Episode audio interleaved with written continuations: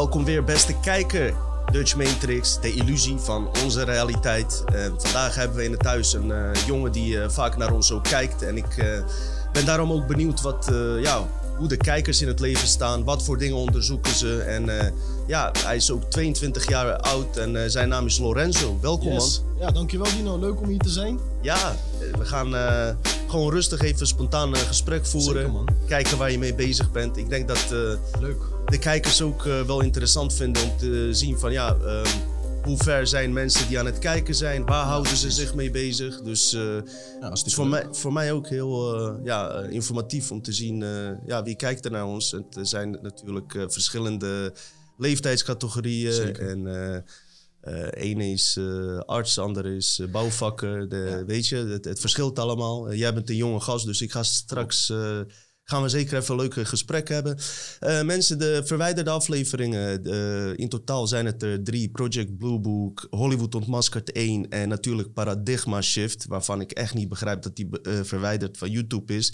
Die zijn nu dus terug te vinden op Rumble. Dat is een alternatief. Voorlopig staat Paradigma Shift erop, maar ook die andere twee afleveringen zal ik daarop zetten. Wegens medische misleiding volgens YouTube met betrekking tot COVID is die uh, verwijderd.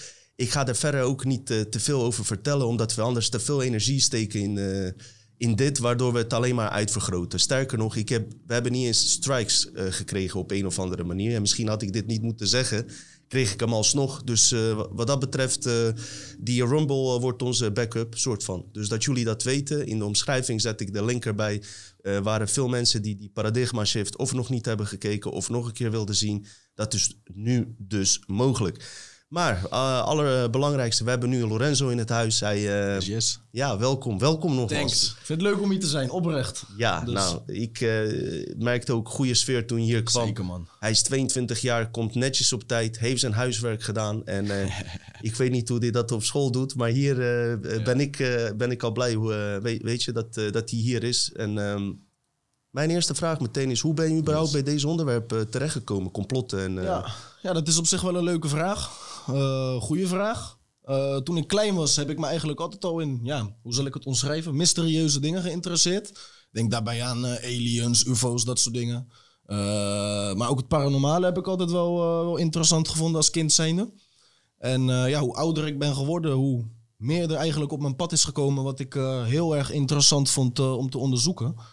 Uh, ja, eigenlijk zodoende dat ik uh, ja, ben waar ik ben en uh, ja, de dingen interessant vind die ik interessant vind. Dus ja, alsof de kleren me, die, ik aan, die ik aan heb me in één keer hebben gepast. Ja, en- ik vind het heel interessant. Je bent 22 jaar. Eh, Ja, man. Je vriendin is ook eh, bezig met deze onderwerpen. Ze dus vinden het ook heel interessant, ja, klopt, klopt, klopt. Jullie zijn, dat scheelt dat je gewoon eh, met je partner daar ook over kan praten. Ja, dat is leuk. Dat, Ja, eh, dat leidt tot se. interessante gesprekken van tijd tot tijd, zeker ja. Ja, hoeft niet per se eh, dat je partner dat per se ook moet vinden. Maar ja, het Nee, is wel eh, handig als, eh, als beide personen hè, Klopt. en Ja, eh, daarin staan. Want je bent 22 en Klopt, eh. Als je kijkt van allerlei eh, complotten, mysteries en alles, wat spreekt je het meest aan? Waar ben je meest, meest in geïnteresseerd? Of? Wat me echt ehm, het meest aanspreekt, dat is, eh, het is eigenlijk een beetje een valkuil. Want de dingen die ik heel interessant vind, wil ik eigenlijk zo min mogelijk mee bezig zijn. Omdat dat, ja, daar komen lang niet altijd de meest positieve dingen bij kijken. Eh, terwijl ik dingen zoals, ja, ik denk hartbrein en dat soort dingen, dat zijn wel dingen die mij, die vind ik heel interessant. Oké. Maar eh, ja, buiten dat om vind ik misleidingen ook heel interessant, omdat we daar dagelijks mee te maken hebben. En ja, laten we eerlijk zijn, in 9 van de 10 gevallen helemaal niet eens weten dat we überhaupt misleid worden of dat er eh, iets achter zit. Dus dat, eh, ja, dat, dat triggert mij heel erg. Meestal zijn die dingen die juist niet veel weten van meest belang. Hè? Ja, klopt inderdaad, ja. ja. En eh, de kunst is dan misschien om niet alleen daarmee bezig te zijn, maar ook te balanceren Ja, in, zeker eh, waar, zeker waar. In, in hartbrein en alles. En eh, Klopt, man. wij, hebben op, eh, wij hebben even contact gehad en eh, jij hebt eh, wat foto's naar mij gestuurd, eh, symbolisme en zo. Yes, klopt. Symboliek hebben we het straks natuurlijk over. Maar ehm, ben je op vakantie geweest of zo? Ik dat je ben ergens op vakantie geweest naar Luxemburg. Mhm. En ik lees veel, ik kijk veel. Dus ik wist sowieso wel van Luxemburg. Dat, eh, dat is wel hartje van, eh, ja, van het hele gebeuren, om het even zo zwart-wit te zeggen. Mhm. Ehm, het was helemaal niet de bedoeling dat ik daar echt op een onderzoek uitging. Maar we kwamen daar zoveel tegen dat, ja, dat we niet mis konden schieten, weet je. Ik moest me er wel in gaan verdiepen en eh, ermee bezig gaan houden op vakantie ook. Want eh, ja, ik heb dingen ontdekt die... eh, ik vind ze in ieder geval heel bizar. Ik Mhm. vind ze heel... ja, toch ook wel heel interessant. Ja. En ja, zeker man. Zijn dat die foto's die je me net gestuurd hebt? Onder andere, ja, onder andere. Misschien En, eh, eh, kunnen we een aantal even doornemen en dat je daar commentaar even bij zeker, eh, zeker, zeker. Ja, je, je herkent, als je hiermee bezighoudt, eigenlijk overal waar je komt, herken je de hè, Ja, zeker. erin terug. Zeker. En daar zal ik straks zeker nog wat, wat aan toevoegen ook. Want dat symboliek is misschien wat meer van belang dan wij ons beseffen. Ja, veel meer. En weet je wat ik het interessantste vind? Ehm, ik heb heel veel kerken bezocht waar je die symboliek in terugvindt. En de kerken, ja, onder andere. eh, de kerken waar we het over hebben, dat zijn niet kerken die vorige zomer gebouwd zijn. Dat zijn gewoon echt kerken van 300, 400 jaar oud. Ja. Eh, vandaag de dag weten wij een beetje wat die symboliek inhoudt die ze toen gebruikten. Laat staan wat ze nu gebruiken, wat wij niet eens weten. En dat is wel wat mij dan weer triggert om, eh, om door te zoeken en te doen, inderdaad, man. Zeker. En, maar het lijkt er wel op dat, eh, dat ze vroeger veel mooier ook konden bouwen. Tegenwoordig worden gebouwen echt gemaakt, eh, wel dan zo eh, milieuvriendelijk zogenaamd. Maar het zijn toch een stel lelijke gebouwen die er komen. Ja, het zijn in principe gewoon een stel betonbakken. Het ziet er niet uit. En als je gaat kijken, 200 jaar geleden, ze maakten de mooiste eh houtsnijwerken met de hand. Ja. Dat zullen wij nu e- niet eens meer met mach- machines na kunnen produceren. Dus dat is al wel iets interessants inderdaad. Ik heb het met Simon daarover gehad. Zou dat, eh, die, die bouwwerken die zo op gevangenissen lijken, zou dat niet ook een soort van symboliek naar onderbewuste gaan van eh, hier, kom maar, ga maar in zo'n hok wonen. Betaal maar eh, 350.000 euro voor zo'n woning alsnog. Hè? Het zou heel goed kunnen. Ja. Dat dat, dat, onderliggende gedachte heeft. Je hebt iets van hoeveel honderd foto's gemaakt? Nou, het is echt absurd. Het zijn, ik denk, 300 plus foto's. Ik heb filmpjes. Ik heb, ja, van alles en nog wat. Het is natuurlijk veel te veel om te laten zien. Maar er zitten, ja, heel veel interessante dingen tussen. Zoals deze. Waar heb je deze gemaakt? Zoals deze. Dit is eh, in een hele belangrijke kerk. Dat is ook wel interessant om te vertellen. Eh, er staat nergens dat dit om een Jezuïetenkerk gaat. En ehm, voordat ik over welk geloof dan ook begin, laat me dan wel even zeggen dat ik echt absoluut niet een geloof wil afkraken of af wil branden. Dat is echt niet mijn bedoeling. Ik wil puur vertellen wat ik eh, ontdekt heb. Het gaat hier om Jezuïetenkerken, maar er wordt nergens aangegeven dat het Jezuïetenkerken zijn. Dat is in principe al best wel eh, ja, bijzonder. Vooral omdat de Jezuïeten zeker de nodige, eh, ja, hoe moet je dat zeggen, geschiedenis hebben. Vooral in de Vaticaan eh, natuurlijk. Vooral in de Vaticaan, ja zeker. Het is ook eigenlijk in heel Europa verbannen geweest, als het ware rond de tijd dat het eigenlijk al opgestart werd. En het leuke aan dat is dat al deze kerken gebouwd zijn in de periode dat dat juist opgezet is. Een beetje 17, 1800. Dus dat, eh, dat is in principe al interessant op zich. tijd van de founding fathers, toen de Illuminati, zeg maar, Ja. de mainstream Illuminati werd opgericht. Ja, Uiteraard ja, ja, eh, ja, ja, van Adam ja. Weishaupt, 1776. Dat Ja, is eh, ja. wat, wat er ons wordt verteld, maar uiteraard bestaan die groepen al veel langer. Heel langer, ja. zeker, tuurlijk, ja. Maar ehm, zoals deze kerk, hè, ehm, ja. Die, die heeft dan aan de ene kant, eh, zou je zeggen dan, oké, eh, we hebben standaard christelijk geloof, eh, waarin Jezus gelooft en alles. Ja. Wat doen die driehoeken daar dan, zeg Ja, maar? nou, dat is Wat zijn de connecties daaraan? Er zijn, er, zijn heel veel, er zijn heel veel discussies en, ja, over, over symbolen, waaronder die driehoek, het alziend oog van Horus, zoals het genoemd wordt. Ja. Er zijn mensen die zeggen dat het gewoon voor het, altsta- het alziende oog staat. Maar als je een beetje dieper gaat, gaat graven, een beetje dieper gaat lezen, dan kom je er vanzelf achter dat het ja, een pagan symbool is, zodat het genoemd wordt. En eh, ja, dan moet je eigenlijk ver vanuit de buurt blijven. Dus wat doet dat in een kerk? Dat eh, is een goede vraag inderdaad. Je zou zeggen, weet je, eh, kerk, God, positiviteit. Maar, maar toch zie je dan in die gebouwen ook heel veel negatieve, misschien wel meer negatieve aspecten die je onderbewust ingaan. Zeker. Waardoor er echt een dunne lijn is. Ik wil ook zeker geen religie aan, eh, afkraken. Nee, nee, nee, nee, nee. Mensen die er komen, dat zijn topmensen, weet je wel. Alleen, Zeker. ehm, ik heb al eerder gezegd, waarom zoveel negatieve, Klopt. duivelse eh, dingen? klopt. Waarom niet meer hartjes of wat meer verbinding? Weet je, dat missen we wel een beetje. Ja, en het is op zich wel heel interessant. ehm, want ik noem het wel kerken.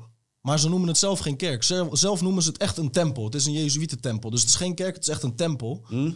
Ja, wat op zich ook wel grappig is. ehm, als je daar binnenstapt, alles is heel intimiderend. Alles is heel hoog. Er staan hele hoge altaars. Eh, wat op zich ook wel grappig is, als je wat is een altaar intypt op Google, dan eh, krijg je gewoon letterlijk eh, te horen dat dat een plek is waar offeringen verricht worden. Dus ik ga nou echt Oh niet ja? zeggen dat in, ja, dat is echt waar, dat kan je gewoon googlen. Geloof ik hoor. Ehm, dus er worden zowel ehm, negatieve energieën aanbeden, dat staat letterlijk op Google. En er worden offeringen verricht. Op het altaar. Op het altaar, voor het altaar, op het altaar. Die zijn zo gigantisch groot. Als jij daar binnenstapt, uh, voel je je echt heel erg geïntimideerd. Uh, je voelt je heel erg bekeken, ook al zou je daar alleen binnenstappen. Um, er hangt helemaal geen positief gevoel. Als ik daar binnenstap, dan, dan probeer ik niet te kijken naar wat ik denk door de dingen die ik zie. Maar ik probeer echt te kijken, wat voel ik hierbij? Mm En wat voelde je vooral? Verstikking, man. Ja. Echt een heel bedrukkend gevoel. Ik denk dat ik misschien in 30 verschillende kerken ben geweest. En dat was in Luxemburg? Dat was in Luxemburg, ja. Dat was in Luxemburg. Welke plek?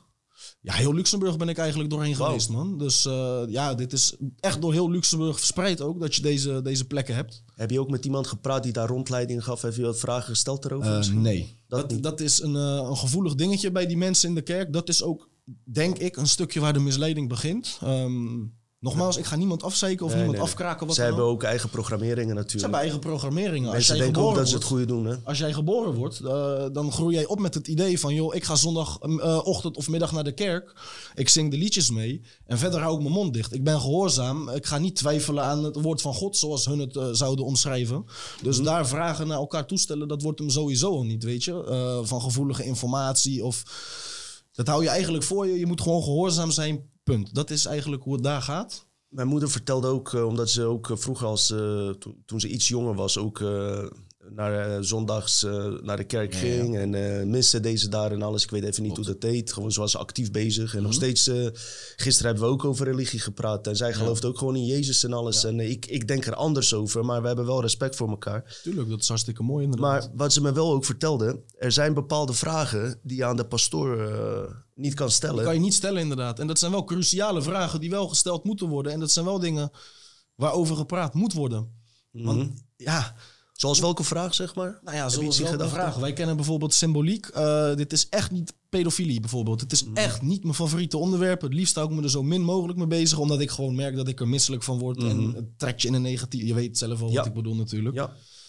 Um, ken je die symbolen, die boy lovers symbolen en dat soort dingen? Met vlinders en uh, dat soort dingen? Die komen uit de kerk, die symbolen. Oké. Okay. Uh, eh, als ik een 400 jaar oude kerk instap, je kent dat blauwe rondje wel, toch? Met dat rondje erin, als het ware. Nee. Nou, het is best als wel ik een, het zie, uh, een, zou ik het ja. wel herkennen. Als je dat in een 300, 400 oud jaar, jaar, oude kerk ziet staan, dan ga je wel afvragen van, joh, waarom is dit symbool overgenomen vanuit -hmm. de kerk? Um, ja, ik heb ook foto's naar je gestuurd waar je bijvoorbeeld een, een schilderij hebt Waar uh, naakte kinderen op een bijbel staan te dansen. Ja. Wat, wat is die betekenis daarvan, weet je? Wat, wat, wat ik wel geleerd heb, is dat de symboliek die ze gebruiken twee betekenissen hebben. Ze hebben een betekenis die ze naar buiten geven van, joh, dit is dat en dat. Het is allemaal niet zo gek. Maar ik weet voor mezelf zeker dat er dubbele betekenissen achter symbolen zitten. En um, ja, dat zijn interessante dingen die mij dan triggeren. Zeker. En symboliek. Um, ik denk namelijk ook dat een, uh, een kabbalist of iemand uh, hoog in de Freemason-rang uh, ja. een Bijbel heel anders leest. Of de Koran. Ja, of ja, maakt niet uit welk boek. Heel anders lezen dan de gewone man. het staat zeker. gecodeerd met, met codes die zij hebben, zeg maar. Klopt. Die zullen wij niet zien inderdaad als nee. wij even gaan bladeren. Dat, dat is iets interessants. En het meeste freaky van die symbolen is, is omdat wij onze eigen realiteit te weinig onderzoeken. Zo'n symbool, die gaat je onderbewustzijn in. Klopt. En die, kan, die heeft bepaalde invloed. Die heeft zeker invloed. Ja, één symbool kan meer vertellen als een hele bibliotheek vol met boeken. En ik denk dat we ons daar wel zeker meer in moeten verdiepen. Willen wij weten wat er echt uh, om ons heen gebeurt en aan de hand is. En wat voor invloed het ook... Uh, en wat voor invloed het heeft op uh, je bewustzijn of onderbewustzijn uiteraard. Ja man. Ja, klopt. Zeker. En hoe heet het... Ik weet, uh, je hebt heilige geometrie, heb je daar wel eens van gehoord? Ja, daar heb ik van gehoord, man. Ja, kijk, en uh, dat wil ik misschien even, me, uh, even daaraan toevoegen. wat misschien mooi gepaard gaat met dingen ehm, over de oorspronkelijke hek. Hoe wij als het ware, waar wij eigenlijk de eerste, laten we het even daarop houden, ehm, bewustzijnsval of misleiding hebben ja. gehad. Dat is juist in die heilige geometrieën waar die symbolen zijn. Zeker, zeker. En dat, wat ik denk, ik heb dit, dit moet ik uitvoeriger onderzoeken is dat die uh, Vaticaan, uh, Freemasonry hoogste graad, dus daar heb je echt die secret societies binnen die secret societies. Ja, niet de ja, gewone ja, Freemasons, gewoon normale mensen zijn het. En net als kerkgangers, die, die, die doen gewoon hun ding. Het zijn waarschijnlijk zulke geheime organisaties dat ze niet eens een naam hebben. Precies. Precies. Dus dat, en het zegt trouwens niks uh, over de graad, hoe ver je bent hoor. Je hebt sommige nee, Freemasons zijn 17e graad en zijn nog hoger dan 33 graad Freemason. Die, die getallen zijn ook misleidend. Uh, wat wel opvalt is dat eh, Jezus op 33-jarige leeftijd is gestorven. Dat is heel... eh, En 33 graden van, van eh, vrijmetselarij. En Ja. er werd ook verteld dat als je in oorspronkelijke wereld bent, dat je daar altijd uitziet als 33 jaar. Dat is prachtig. het is, de heilige leeftijd heb ik wel eens gehoord, 33. Dus, precies, precies. Nou, je hebt nog 11 jaar te gaan. ik heb nog elf jaar te gaan, man. Ik heb het achter de rug. Maar ik, ik probeer even, eh, e- even een link te koppelen met eh, symbolen. Eh, ik denk dus dat die kabbalisten, eh, vooral kabbalisten, maar eh, eh, Freemasons werken heel veel met symbolen en de kerken dus ook. Ja, zeker. Wa- waar je vragen dan bij hebt is, het lijkt soms al- eh, alsof ze eh, totaal van elkaar verschillen. Want eh, Freemasonry is misschien wat meer gericht ook op wetenschap, in combinatie met Eh, geloof. Ja, klopt. Eh, kerk is eh, juist meer met geloof zelf bezig. En toch zie je elke keer dezelfde terugkomende symboliek. En die symboliek Ja. die komt van de heilige geometrie, waaruit alles uit ontstaat. Dus je hebt eerst geluid, dat hebben we eerder laten zien. Geluid vormt geometrieën, Klopt. Trillingen, toch? Ja. Maar je hebt dus ook ge- eh, geometrie uit de matrix en geometrie uit de oorspronkelijke wereld. En zij werken met geometrie uit de matrix. En Matrix hun is verteld dat dat Het de gods, gods geometrieën zijn. Ja, ja, ja, en dat zijn altijd symmetrische geometrieën met hoeken erin. Terwijl als jij naar mandala's noemen ze dat volgens mij, kijkt naar de Ja. heilige geometrieën van onze originele realiteit, dat zijn geen symmetrische. Dat is een Nee, dat zijn geen driehoeken. Nee, maar ze zijn ook ongeordend. Klopt, ja. En waar het eigenlijk op, eh, eigenlijk op neerkomt, ik heb het hier zelfs eh, ergens genoteerd, als ik het eh, terug... Ja, precies. En daar, zie je, daar kan je veel aan terug herkennen. Sorry als ik iets meer praat, jij Nee, komt zo maar, maar erg. dit gaat, onwijs interessant, Dino. Dus, dit, eh, dit, dit gaat goed samen, om, omdat we iets samen misschien kunnen eh, uitzoeken. Dus er zijn geordende eh, hoeken, komen uit de kunstmatige realiteit en daar is deze matrix uit opgebouwd. Die groepen focussen zich op die driehoeksymbool omdat het een bouwsteen is van, van het hele universum. En ik denk op een of andere manier, als je daarop focust, eh, dat je inlogt in dat veld en hier heel veel dingen kan bereiken ook. En dat je daar ook je macht uit kan halen. Zeker, ja. Even heel globaal verteld. Ja. Ik denk dat het daarmee te maken heeft omdat je direct verbinding maakt met oorspronkelijke geometrie waar alles uit is ontstaan. Dus eerst geluid, geluid eh, bepaalde frequentie, ik noem maar wat, vormt een driehoek. En die driehoek, ehm, eh, die, die trilling of die, eh, die, die vorm, eh, dat is de bouwsteen waar de hele wereld uit ontstaat. ja. En waar ze, wat die mensen dus ook niet weten, wat hun ook niet door die hogere krachten is verteld. Want ik denk dat die Freemasons en eh, bepaalde groepen op hoogste graad, die hebben te maken dan met die kracht uit andere dimensies. Ja. Maar die hebben ze dus niet verteld Nee, dat er een originele wereld is met, met ongeordende ehm, eh, geometrieën, waar alles eigenlijk al is ontstaan. Zelfs die matrix. En dat is het grootste probleem van die, eh, van die groepen is dat het ongeordend zooitje is, onvoorspelbaar. En uit het niks iets kunnen creëren. En zij willen alles goed in de hand houden. En Zeker. dat is een beetje het verhaal daarachter. Dat Sorry mensen, sorry mensen dat ik veel praat. Sorry hoor. Ga maar verder gozer. Ja, ik vind het jammer dat ik van dit stukje niet, eh, niet zozeer heel veel weet op dat niveau. Omdat ik, Ik het ook echt niet. onwijs interessant vind. Ik zit Hier zou ik me nu- graag meer in Ja. willen verdiepen. Want dit kan natuurlijk ook echt voor jezelf op eh Tuurlijk. zijn. En dat vind ik onwijs interessant. Tuurlijk man. En dit tuurlijk. gaat weer heel goed gewaard met die symboliek wat jij inderdaad zegt. Want laten we eerlijk zijn, een driehoek zie je in elke kerk terugkomen. Mhm. Kerktoren, het is mij verteld of het 100% waar is. Ja, ik weet het niet. Maar ik zou het heel goed kunnen aannemen. Je hebt de kerktoren. Mhm. Die is nu vermomd met een soort ja, antennetje erop. Of eh, zal ik maar zeggen, eigenlijk is het gewoon een piramide die bovenop die kerk staat. Ja, voor energie. eh, Voor energie. En eh, wij zien een piramide, wij zien een driehoek. Maar wij zien niet de krachten die het met zich meebrengt. Of eventueel het krachtveld wat het met zich meebrengt. Of ga zo maar door. Dus dat vind ik inderdaad onwijs interessant. Want als jij die kerken binnenloopt, het zijn altijd twee pilaren met een driehoek erboven. mhm. Ze doen het wel met reden. Het zal wel iets met zich meebrengen. Die twee pilaren staan volgens mij van, eh, van eh, Solomon. eh, Mhm. Die tweeling. Eigenlijk waren de Twin Towers. Dat zijn Ja. die twee pilaren. Dat zijn die twee ingestort pilaren. zijn ook. En gaat je. dat dan ook weer zo ver door naar de Anki... eh, Enki en Enlil? eh? ja, gaat het dan zo ver daar naartoe dat het ook Ik daar weet- weer mee ik- te maken ik zou weet hebben? niet eh 1, 2, 3 of dat directe verband mee heeft, maar uiteindelijk wel. Ja, ik vroeg hem af. Uiteindelijk wel, Ehm, dat zeker. Maar wat je vertelde, dat je als je kerk inkomt, hè, dat je jezelf bekeken voelt en heel laag Ja, en klein. Ze ja, hebben de ja, deuren ja, ook ja. bewust veel groter gemaakt, zodat jij je lager voelt. Jezus zie aan, aan het kruis hangen en ehm, wij mensen hebben empathie, dat weten ze. Dat is die gevoelskracht en die wordt gewoon uitgezogen. Omdat jij empathie voor Jezus hebt, Jij bent eh, de schuldige dat hij opgehangen is. Klopt. Het is jouw Voor onze fout, eh. Lorenzo. En eh, ik, vind dat, ik vind dat iets heel ergs. Dat is iets wat nog steeds geroepen wordt. Maar laten we eerlijk zijn. Wij hebben helemaal niet eens geleefd. Welke zonde zijn wij begaan dat we daar nu nog gestraft mee moeten worden? En Ze Weet spe- Dat zelfs de grootste, gewetenspelletje. grootste mafioso's, eh, die, eh, die, die zijn dan wel gelovig. Honderden mensen maken ze af en dan hebben ze een eh, schuldgevoel.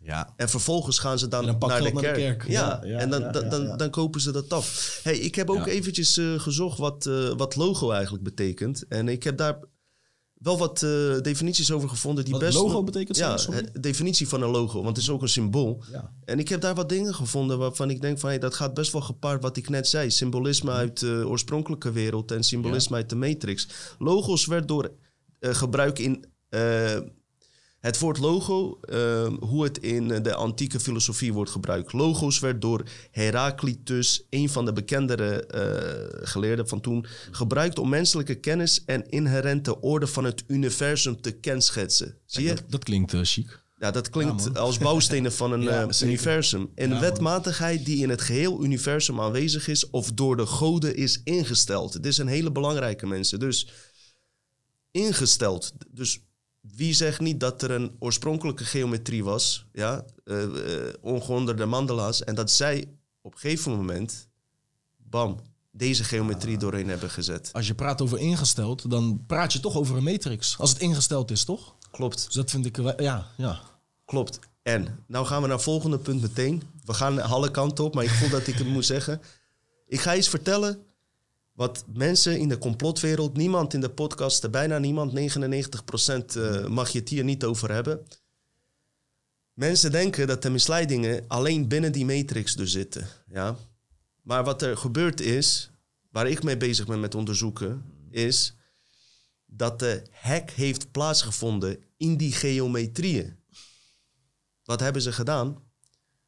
Ze, hebben, ze zijn naar, die, eh, naar onze oorspronkelijke geometrieën gegaan en ze hebben bepaalde geometrieën uitgeschakeld, waardoor onze zicht- en waarnemingsvermogen ook minder is Omlaag geworden. is geworden. En dan praat Ja. je over de bewustzijn van dat we op de Precies. 5% zitten van de 100%. Vervolgens Ja, hebben ze hun eigen geometrieën ingezet. En wij hebben zonder, zonder dat we daarbij stilstonden, wat nu ook gaande is, ons in een nieuwe matrix zetten. Ga ik in een andere aflevering over vertellen met Simon volgende keer.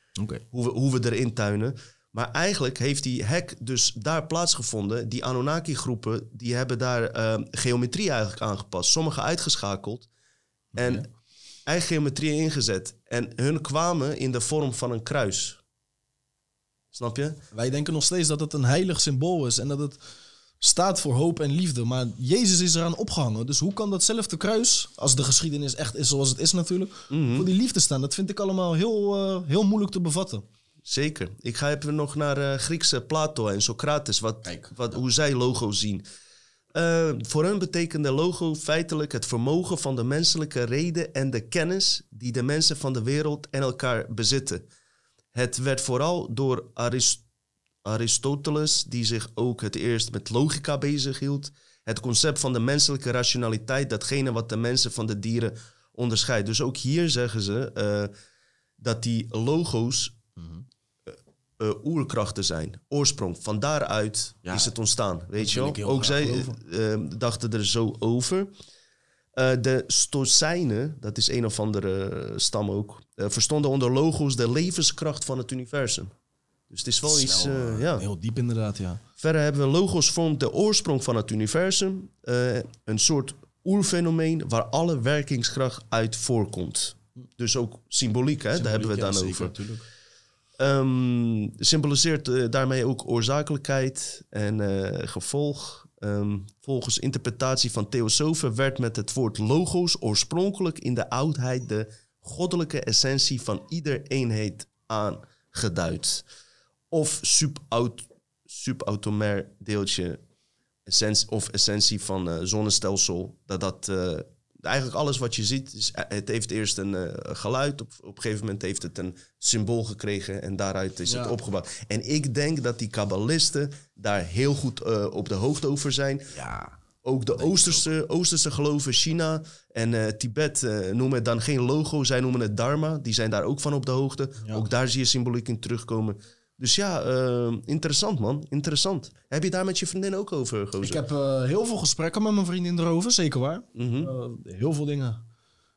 Ik heb soms ideeën dat ze me ook aankijkt van... joh, volgens mij ben je niet helemaal goed. Nou, kom me bekend voor hoor. Nee, maar dat is alleen maar mooi, vind ik.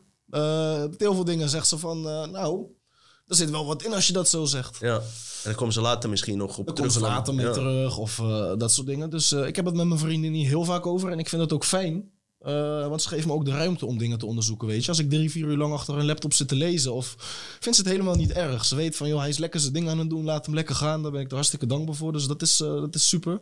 Heerlijk man. Eh, ja, dat is chill, man. Zeker. En je ouders en zo, omgeving, hoe staat dit er? ja, ja, ja. ja, mijn moeder vindt het interessante dingen. Ehm, ik merk dat ze het een beetje buiten de deur houdt. Want soms staat ook het nieuws op. En dan gaat het weer over corona en bullshit, dit en dat. En dan zeg Mhm. ik ook wel eens van... joh, ga lekker iets leuks kijken... in plaats van elke keer dat nieuws waar je toch maar eh, gek gemaakt wordt. Het is nooit goed nieuws, dus waarom blijf je kijken? Ja, kan hij zo goed kutnieuws eten. Kan eens goed kutnieuws eten, want het is er toch wel de dag door. En dan eh, moeten ze dat woord kut met CUT doen, want ze knippen ook Kat. nog aardig wat. Ja. Ja, klopt, klopt, klopt. Ja, maar daarom, dat, dat wil ik ook nog even gezegd hebben. Daarom vind ik het leuk dat wij dit zo spontaan doen. We hebben niks voorbereid van tevoren. nee. Dan zie je dat het oprecht is. Wat is er nou oprecht op Dan de tv of op het nieuws, weet je? Dat, Het is nooit een eh, eerlijk gesprek, het is vaak aangestuurd. En eh, gaat je moeder deze aflevering ook kijken? Tuurlijk, vast wel. Groetjes, moeder van Lorenzo. Groetjes voor mijn moeder en vriendin. Ik, ik zal hem niks, eh, geen alcohol geven of eh, harddrugs of iets hoor. Wijs Zou maar niet bang. Hey, en toen kwam COVID, hè? Daarvoor was je al met deze dingen bezig? Ik was daarvoor wel met de- deze dingen bezig. Ik moet zeggen dat het wel op een eh, minder diep level was. Ik was... ehm, ik ben sowieso nog jong, dus ik ga Ja. niet zeggen dat ik jong was. Maar ik zat toen in een hele andere fase van mijn leven. Wat deed je vooral toen? Ik was gewoon mijn leven aan het leiden. Mhm. Ik was denk ik een jaar of 19 eh, toen die... Nou ja, COVID, hoe lang hebben we dat nu? Twee jaar inmiddels al. Twee jaar. Ik, eh, ik ging gewoon werken. Eh, ik ging in het weekend lekker wat drinken. Ik leefde mijn leven. Ik was een, eh, ik was een doorsnee burger. Ik was overal wel prima mee. Ehm, toen kwam de COVID. Dat heeft in het begin nog niet zoveel veranderd voor mij. Later ben ik wel meer dingen gaan onderzoeken. Maar de discussie COVID is voor mij eigenlijk nooit een discussie geweest. Ehm, ik hoor heel veel mensen om me heen. en dit en dat. Dat is voor mij de discussie nooit geweest. Omdat ik uiteindelijk ook maar weet dat hun gebruikt worden om een bepaald script uit te rollen. En dat... Het komt niet bij hun vandaan, weet je. Toen het net kwam, eh, had je nog twijfels eerst? eh, van, eh, ja, ik, eh, weet Als je je... heel eerlijk antwoord op die vraag wil hebben, dan ik dacht in het begin van, joh, Bill Gates zal wel weer ergens lang zijn geweest, weet je. Dat, Ja. dat heb je natuurlijk wel vaker gehad met ebola en noem het maar op. Dus ik dacht eerst dat het weer zoiets zou zijn. Ehm, ja. Het is nooit de discussie bij mij geweest. En ik heb eigenlijk al gelijk vanaf het begin gezien van... joh, dit draait helemaal niet om onze gezondheid. Of dit draait helemaal niet om een vaccin. Dit draait om de controle. En dit draait om ons in de hand houden. Want als je gaat kijken naar de maatregelen die er geweest zijn in het verleden... elk normaal men, eh, denkend mens weet dat die niks van doen Nee. hebben met volksgezondheid. Nee, heb je, en heb je dan eh, vaak ook discussies met je vrienden erover? Hebben zij, zeg maar, Ja. eh, hoe, de- hoe denken zij in het algemeen ja, erover? Ja, ja. ja, zelfs van mijn vrienden ben ik... ik heb natuurlijk wel vrienden die ook wel geïnteresseerd zijn in... ja, in interessante dingen om het zo te noemen. Mhm. Maar met deze dingen, ja, ik ken verder ook niet echt iemand die, eh, die ook echt interesse heeft in deze onderwerpen. Dus ik ga er eigenlijk nooit echt met mensen heel diep op in. En als je over zulke onderwerpen wil praten bij 9 van de 10 mensen, dan doen ze al een soort schild over zich heen. Eh, ze luisteren toch niet wat je zegt. Nee. Ze zijn het niet gewend, ze kennen het niet. eh, ja, snap je? Maar bijvoorbeeld met je moeder, die, die, laat jou wel eh, heel, zeg maar. eh, Die, die, tenminste, heel ja, logisch. Ja, maar die, die, die wil jou wel eh, aanhoren op zich. En ze staat er wel voor open. Ze zegt niet van... Het ligt aan de onderwerpen. Want als het weer over corona gaat, dan, dan kom ik weer eens met een van mijn feitjes van... joh, maar zus en zo. ja. En dan, dan zegt mijn moeder van, ja, ik weet het wel. En ik heb genoeg van die bullshit. Ik wil gewoon positiviteit. Dus dat Ja. snap ik wel. Ze, ze zondert zich er gewoon voor af. Zodat ze in ieder geval niet in die positieve prikkels gaat zitten. Dus dat, eh, dat snap ik wel. Mhm. Maar ik weet dat ze van binnen heel veel dingen wel interessant vindt. Oké. Dus eh, ik had er ook verteld dat ik naar je toe zou gaan. Ik, heb, even, ik heb even je YouTube doorgestuurd, zat wat gekeken. Dus ik zal vanavond eh, vragen wat ze ervan vond, man. Ja, zeker. Ja, het wordt eh, natuurlijk eh, volgende week uitgezonden. Maar ja, weet je, vanavond natuurlijk voor de kijker. Een is dat- oude aflevering, eh, even tussendoor. Ja, maar ik, ik denk ook, ook voor, je ouders, eh, als zij zien dat jij gewoon eh, eh, met beide benen op de grond staat, niet te veel zweeft, dat het voor hun ook minder uitmaakt dat jij met klopt, deze klopt, dingen bezig bent. ja. Kijk, als jij op, op een gegeven moment zegt van ja, de wereld is kut. En je gaat alleen op je zolderkamertje zitten. Dat schiet echt niet op. En, en hoe heet het, van die sigaretten lopen klikken. En schiet checkies draaien. Denken ze, maar dan heeft de Matrix je ook waar die je wil hebben. Ben Ja. ik me van bewust. Denk ik ook. Ja, Ik denk als jij je kut gaat laten voelen door, laten we zeggen, deze Matrix, dat je precies in de greep bent. Mhm. En dat moet dus precies niet zijn. ja, want hoe ga jij, hoe balanceer je dat zeg maar met je bewustzijn en zware onderwerpen? Hoe, hoe gaat dat? Nou, ehm, de afgelopen weken heb ik eh, bewust ook even dingen op een laag pitje gezet. Omdat ik toch wel een lange tijd met heel veel dingen bezig ben geweest. En je merkt echt aan je kop van, joh, ik krijg echt een opdonder van informatie. Ik moet even afkoelen, ik moet even chill zijn. Want je merkt dat het je dagelijkse leven wel gaat beïnvloeden. Je gaat ja, overal wat achterzoeken, wil ik niet wat zeggen, maar je gaat overal wel wat inzien. Herkennen. En ik wil mezelf wel eh, scherp houden in die zin, dat ik mezelf gewoon even laat afkoelen. En wanneer ik weer ben bijgedraaid in die zin, weer eh, rustig verder ga kijken. Mhm. En hoe koel je meestal af dan? Door het gewoon even op een laag pitje te zetten, eerlijk gezegd, man. Geen Wim, Wim Hof methode in de ijs zitten. Nee, dat niet, man. Dat niet, dat niet. Het schijnt heel goed voor je lichaam te zijn. Zeker. Ik zou het heel graag eens willen proberen. Mijn schoonvader doet eh, trouwens die dingen. En die, eh, die vertelt er echt onwijs positieve verhalen over. Dus eh, Iedereen die ik erover hoor. misschien we ik het eens proberen. Ik, ik douche me koud af, één minuut lang ook, ja. op koud water. En dat doe ik tot oktober. Dan stop ik daarmee, want water wordt dan steeds kouder, weet je. Dus op een gegeven moment... hè? Dat is niet meer nodig om... nee, nee, nee. En hoe heet het? Ik weet niet eens of de camera aanstond toen je dat net zei. Maar wat je ook zei van eh, soms hou je met complotten bezig. En eh, dan probeer je te balanceren om ook je eigen kracht terug... klopt, zoals die klopt, hartbrein en zo, weet Ja. je wel. Daar zou je ook Ja. wat meer van eh, willen weten, zei je. Of heb je daar ook ja. eens wat over voor opgezocht? Eh, ik weet daar wel wat van, maar eh, ja, ik zou daar graag meer eh, over te weten gaan komen. En ik besef dat dit echt geen proces is van, joh, volgende maand weet ik alles. Dit eh, gaat voor mij een proces worden van jaren. Nou, het is gewoon een en al proces. Precies, maar dat, eh, dat vind ik interessant. Ja, En dat, dat blijft me ook pushen, weet je, om, eh, om, om door te zoeken en eh, om door te gaan. ja. Puur om het feit dat wij ja, met deze dingen, wat ik net al aangaf, hebben er elke dag mee te maken. En in 9 van de 10 eh, gevallen hebben wij niet eens door dat we ermee te maken hebben. Ja, dat, dat, dat is juist hetgene waar we op dienen te letten. Van jezelf inderdaad onderzoeken. Zeker. Hoe merk je het in je dagelijks leven dat je, dat je ermee te maken hebt? Kan je misschien een voorbeeld geven of zo? dat je denkt van, hey, Ja. straight to the point. Ehm, ja, wat ik net al aangaf over die kerken, dat is al iets waar ik het gelijk in merk. Dus architectuur, architectuur, sorry, daar, eh, daar merk je het al in. Ik ga zo en zo eventjes nog een paar Tuurlijk, foto's eh, openen. Wat op zich wel interessant is om te vertellen, de symboliek van de kerk. Ja, nou, dit is dus heel interessant om te vertellen. Dit is een foto die in die kerk hing. Serieus? Hier, eh, ja, dit hing in de kerk. Met nog een aantal andere foto's, die kom je nog wel tegen. Deze foto hing in de kerk. Ehm, er hingen meer foto's. Welke was- kerk was dat, sorry? Ja, welke kerk durf ik niet te zeggen. Ik ben er in zoveel geweest. Maar in Luxemburg, ook in een van de soortgelijke kerken waar we het gewoon over hebben. Mhm. Die hing in de kerk. Ehm, een soort toneelspel was er gaande met een kampvuur. En je ziet dode mensen op de grond liggen met Ik zie een ridder op een paard. Ja, Anaalridder. ja, zoiets ja. het zijn allemaal niet echt iemand op de grond? dingen. Ik heb mijn eigen gedachten daarbij. Het zal en ik zie hier kinderen op de achtergrond nog eens kijken. En je ziet kinderen op de achtergrond kijken. Ik heb hier mijn eigen idee over. Zeg het Eh, eens. Misschien ga je zeggen dat ik helemaal gestoord ben. Misschien kan je je erin vinden. Ongetwijfeld zal dit een geschiedenisverhaal vertellen en eh, bla bla bla. Dat geloof ik allemaal wel. Mhm. Maar wat nou als die kinderen daar echt waren? Die waren er echt, die zie je op die foto. Wat nou ehm, als die kinderen de bril op hebben gekregen eh, en dat er tegen die kinderen gezegd is van joh, het is een voorstelling. Maar wat nou als er een echt soort bepaald ritueel is uitgevoerd buiten het weet om van die kinderen? Mhm. Snap je wat ik bedoel? Ik dat weet precies wat je ook weer op een stukje misleiding. Dit, dit, dit verwacht je niet in een kerk van hoop en liefde en peace en, en dat soort dingen. Ik heb er ook eh, echt een twijfelachtig gevoel bij. Omdat er ook, eh, zeg maar... eh, daar vind ik nog die gospelkerken, waar als je binnenkomt en dat ze lekker aan het zingen zijn, hè, van die zwarte kerken. Dat.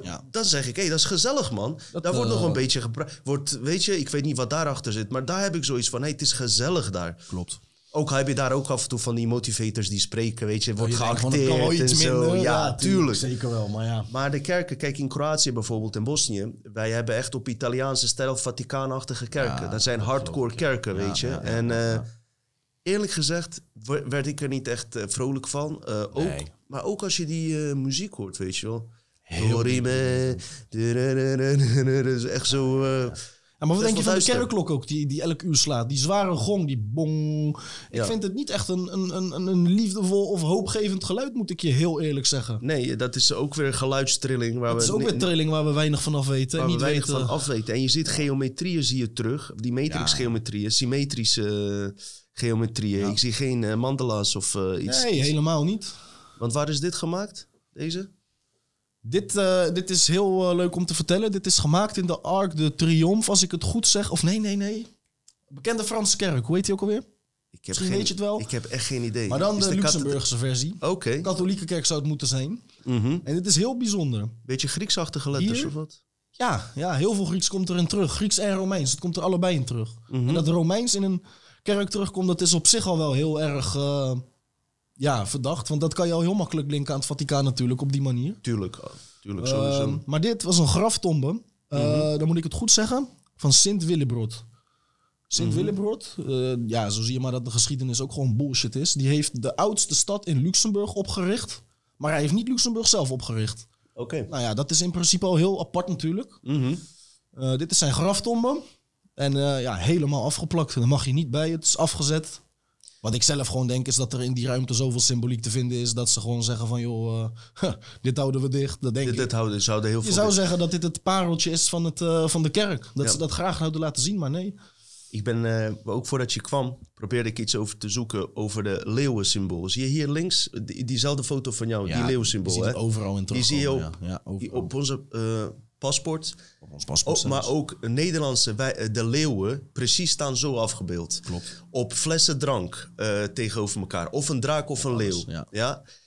Dit is zo voorkomend symbool terug. En nou heb ik gehoord van mensen die eh, wat meer weten over symboliek. Omdat de leeuw oorspronkelijk... Het heeft eigenlijk met een... eh, ehm, eh, hoe moet ik het uitleggen? In je onderbewustzijn komt onderdanigheid in terug. Net als bij vleugels en engelen. Ja. Wij zien vleugels, wij zien engelen.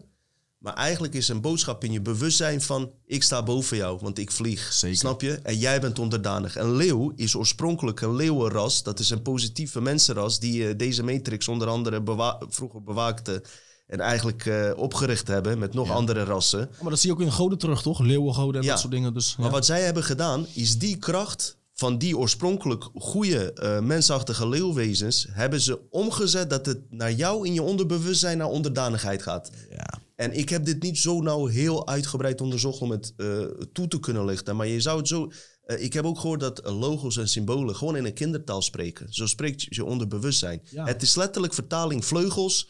Ik sta boven jou. Jij bent Klopt. onderdanig. En dat is wel leuk dat je dit zegt met vleugels en ik sta boven jou. En dat is al gelijk waar de symboliek van de kerk eigenlijk begint. Tuurlijk. Ehm, de kerk is onwijs hoog. Dat, ja, dat zou kunnen ma- te maken kunnen hebben met een bepaald krachtveld waar wij niet van weten. Maar dat is ook gewoon symboliek om te laten zien van kijk eens, de kerk staat boven jou. En dat is het vooral. Mhm.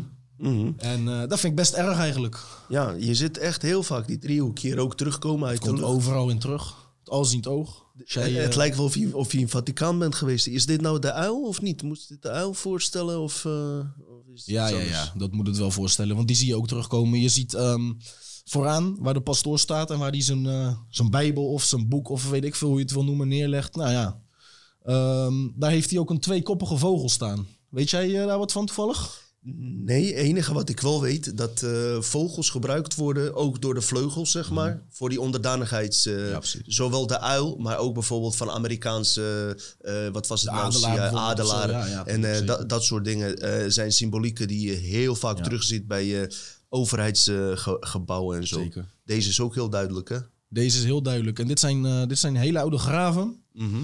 Ehm, ik heb er nog een aantal andere meegestuurd. Mhm. Of het echt om de Society Skull and Bones gaat, ik weet het niet. Ik denk het wel. Mhm. Ehm, wat wel grappig is, om even te vertellen. Je ziet sowieso de doodshoofden staan op de, eh, op de, op de, op de stenen. Mhm.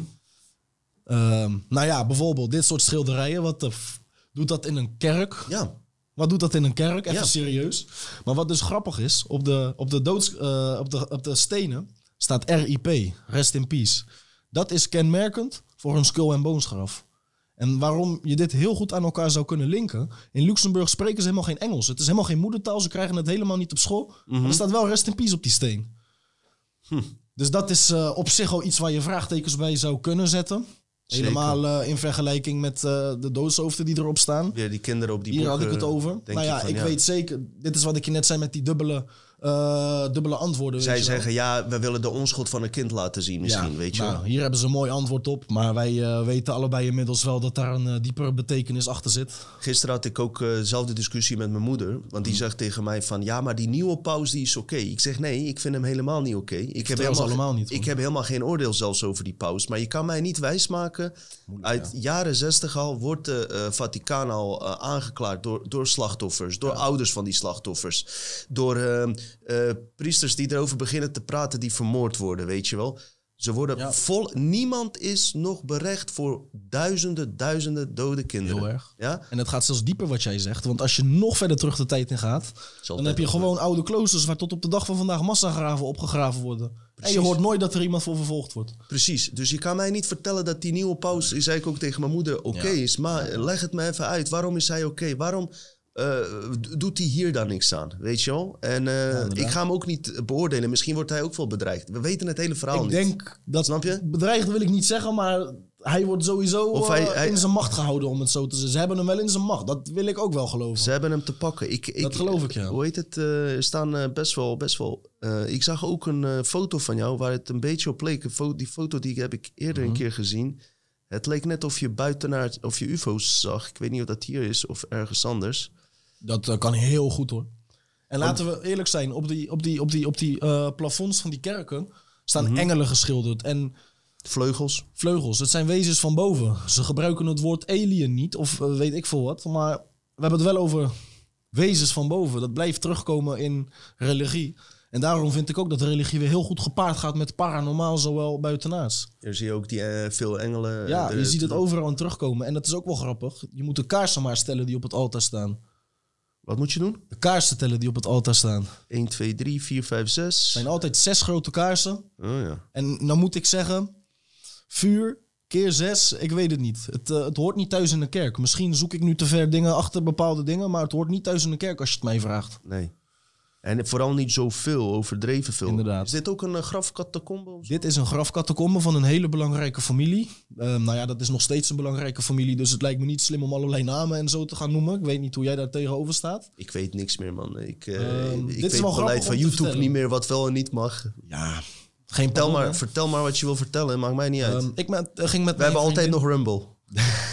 Backup, ja man. Ik ging met mijn vriendin een wandeling maken.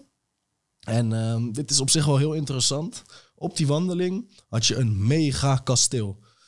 Wat op zich al heel erg merkwaardig was, is dat dat al aanstond gegeven op dat plattegrondje wat je dan bij aankomst krijgt. Het, eh, het kasteel is in eh, privébezit, maar wordt niet bewoond. Nou, dat is op zich al wel raar. Ja. Een eh, heel stuk land eromheen is afgezet. Je kan er ook niet mooi voorkomen om een mooie foto te maken. Dat, dat gaat gewoon niet. Het is echt goed beveiligd en dat is al heel raar middel in, een, of, in de middle of nowhere, sorry. Ehm, toen zijn we verder gaan zoeken. Want ik wou gewoon weten op welke familienaam zou dat kasteel staan. Van welke familie zou dat kasteel zijn? Welke hoek moet ik dan denken? Ehm, al heel snel kwamen we uit eh, bij een advocatenkantoor. In diezelfde straat zat een bank, een advocatenkantoor, een Joods nog wat hof. Ik weet even niet meer precies wat het was. Heel veel belangrijke dingen in die straat van de eigenaren zeg maar, van dat eh, kasteel. En drie keer raden hoe de straat heette. Winston Churchill Laan. ja. Hele hoge vrijmetselaar. Ja. Dus één en één is twee, weet je. Dat, Wat, wat feitelijk is, en wat gewoon iemand die, eh, die de tijd zou nemen om, eh, om met iemand die met complotonderzoeken bezig is, is gewoon puur het feit dat zoveel, bijna alle, alle eh, presidenten Freemason waren. ja. Maar En- niet in, ja. ja. En dat ma- maakt verder niet uit dat je Freemason bent. En ik geloof ook dat de meeste mensen die Freemason zijn oké zijn. Ze weten ook zelf niet wat in die hogere rangen gebeurt. Maar Klopt. het blijft een geheim occult, eh, occulte Klopt, groep. ja, ja, ja. En waarbij de regels altijd zijn: eerst eh, elkaar helpen broeders, dan de rest. Dus in hoeverre, eh, als president zijnde, is, is dat niet gevaarlijk? En dat is een stukje gezegd. egoïsme. En dat is heel gevaarlijk. Want als je praat over satanisme, dan is het ook eigen ego eerst. En dat zie je dan wel weer terugkomen. En dan ga je wel zeggen van, joh, ik weet niet of dat mijn favoriete, favoriete groep zal zijn, weet je. En we hebben hem eigenlijk nooit besproken als we het al over symbolen hebben, omdat hij zo basic is. Maar laten we hem ook hierbij toevoegen. Het dollarbiljet, man. Het Het dollarbiljet. recht in zijn, in zijn fucking face, man. Recht in de face. Je kan er niet omheen. Je kan er niet omheen draaien en toch, toch gaat het leven verder. Ik denk ook dat dat bewust gebeurd is. Eh, met de gedachte van eh, we printen het in jullie leven, zodat jullie weten dat wij er zijn en dat wij de hoge handen zijn. Dat is het enige wat ik me zou kunnen bedenken. Je zit heel duidelijk een driehoek. En, eh, Oog erin. die- ik, ik, ik denk, is het een reptiele oog? Ik weet het even niet, 1, 2, 3. Dat zou heel goed. Maar er- je kan kunstjes doen met die dollarbiljet. Ik zal het even doorheen plakken. Waarbij je Twin Towers... je is ze een- kan vouwen en zo, ja, toch? Ik en heb dat, het je, gezien, ja. dat je die buitenaardse wezen ziet. En als je inzoomt zie je een uil. Het is zo het in is, elkaar... eh, het eh, is heel gek, ja. En als we het dus nu over symbolen en symboliek hebben. Kijk, ehm, het geld eh, wordt aanbeden. Het is nieuwe, nieuwe god geworden. Hè, dat is terug te zien bij mensen. Maar je kijkt er ook elke dag naar. Je kijkt er elke dag naar en dat Oké, heeft... binnenkort niet meer. Ze willen digitaal geld. Ja, ik weet niet heeft- of ik daar zo blij mee ben, maar... Maar het eh, heeft wel een soort van invloed. Hoe denk je daarover? Ja, ik denk dat dat zeker te weten invloed heeft op je, op je onderbewustzijn. En dat realiseren wij ons helemaal niet. Maar dat is ook met structuren waar we het net over hadden. Dat heeft Ja. ongetwijfeld invloed op je bewustzijn of onderbewustzijn, zo niet beide. Maar we weten daar gewoon helemaal niks van. We zouden eens een keer met zo'n ehm, eh, zo'n mindfuck eh, gozer. Zo'n hypno niet hypnotiseur, maar zo iemand die ehm, een soort Yuri Geller-achtige... Nieuwe Geller, ja, ja, ja. Want je een, hebt toch- eh, mentalist. Ja, je hebt toch van die figuren, die, die gaan met je praten. Onder, ondertussen hebben ze bepaalde symbolen gedaan. Ja.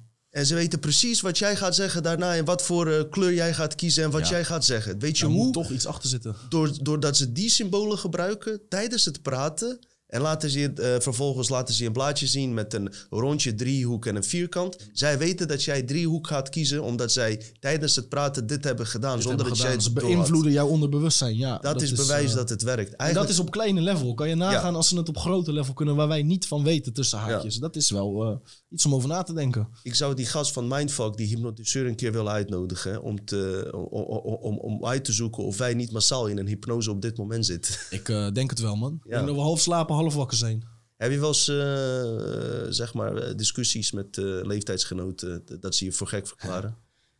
Heel vaak. Het is niet alleen met leeftijdsgenoten, het is ook met familie, het is ook met mensen om je heen. Je merkt vaak al hoe ze dingen zeggen en hoe ze brengen van... oh, jij kijkt naar die en die onderwerpen zo en zo. Dat maakt allemaal niet uit. Je moet zelf weten wat je gelooft en wat je niet gelooft.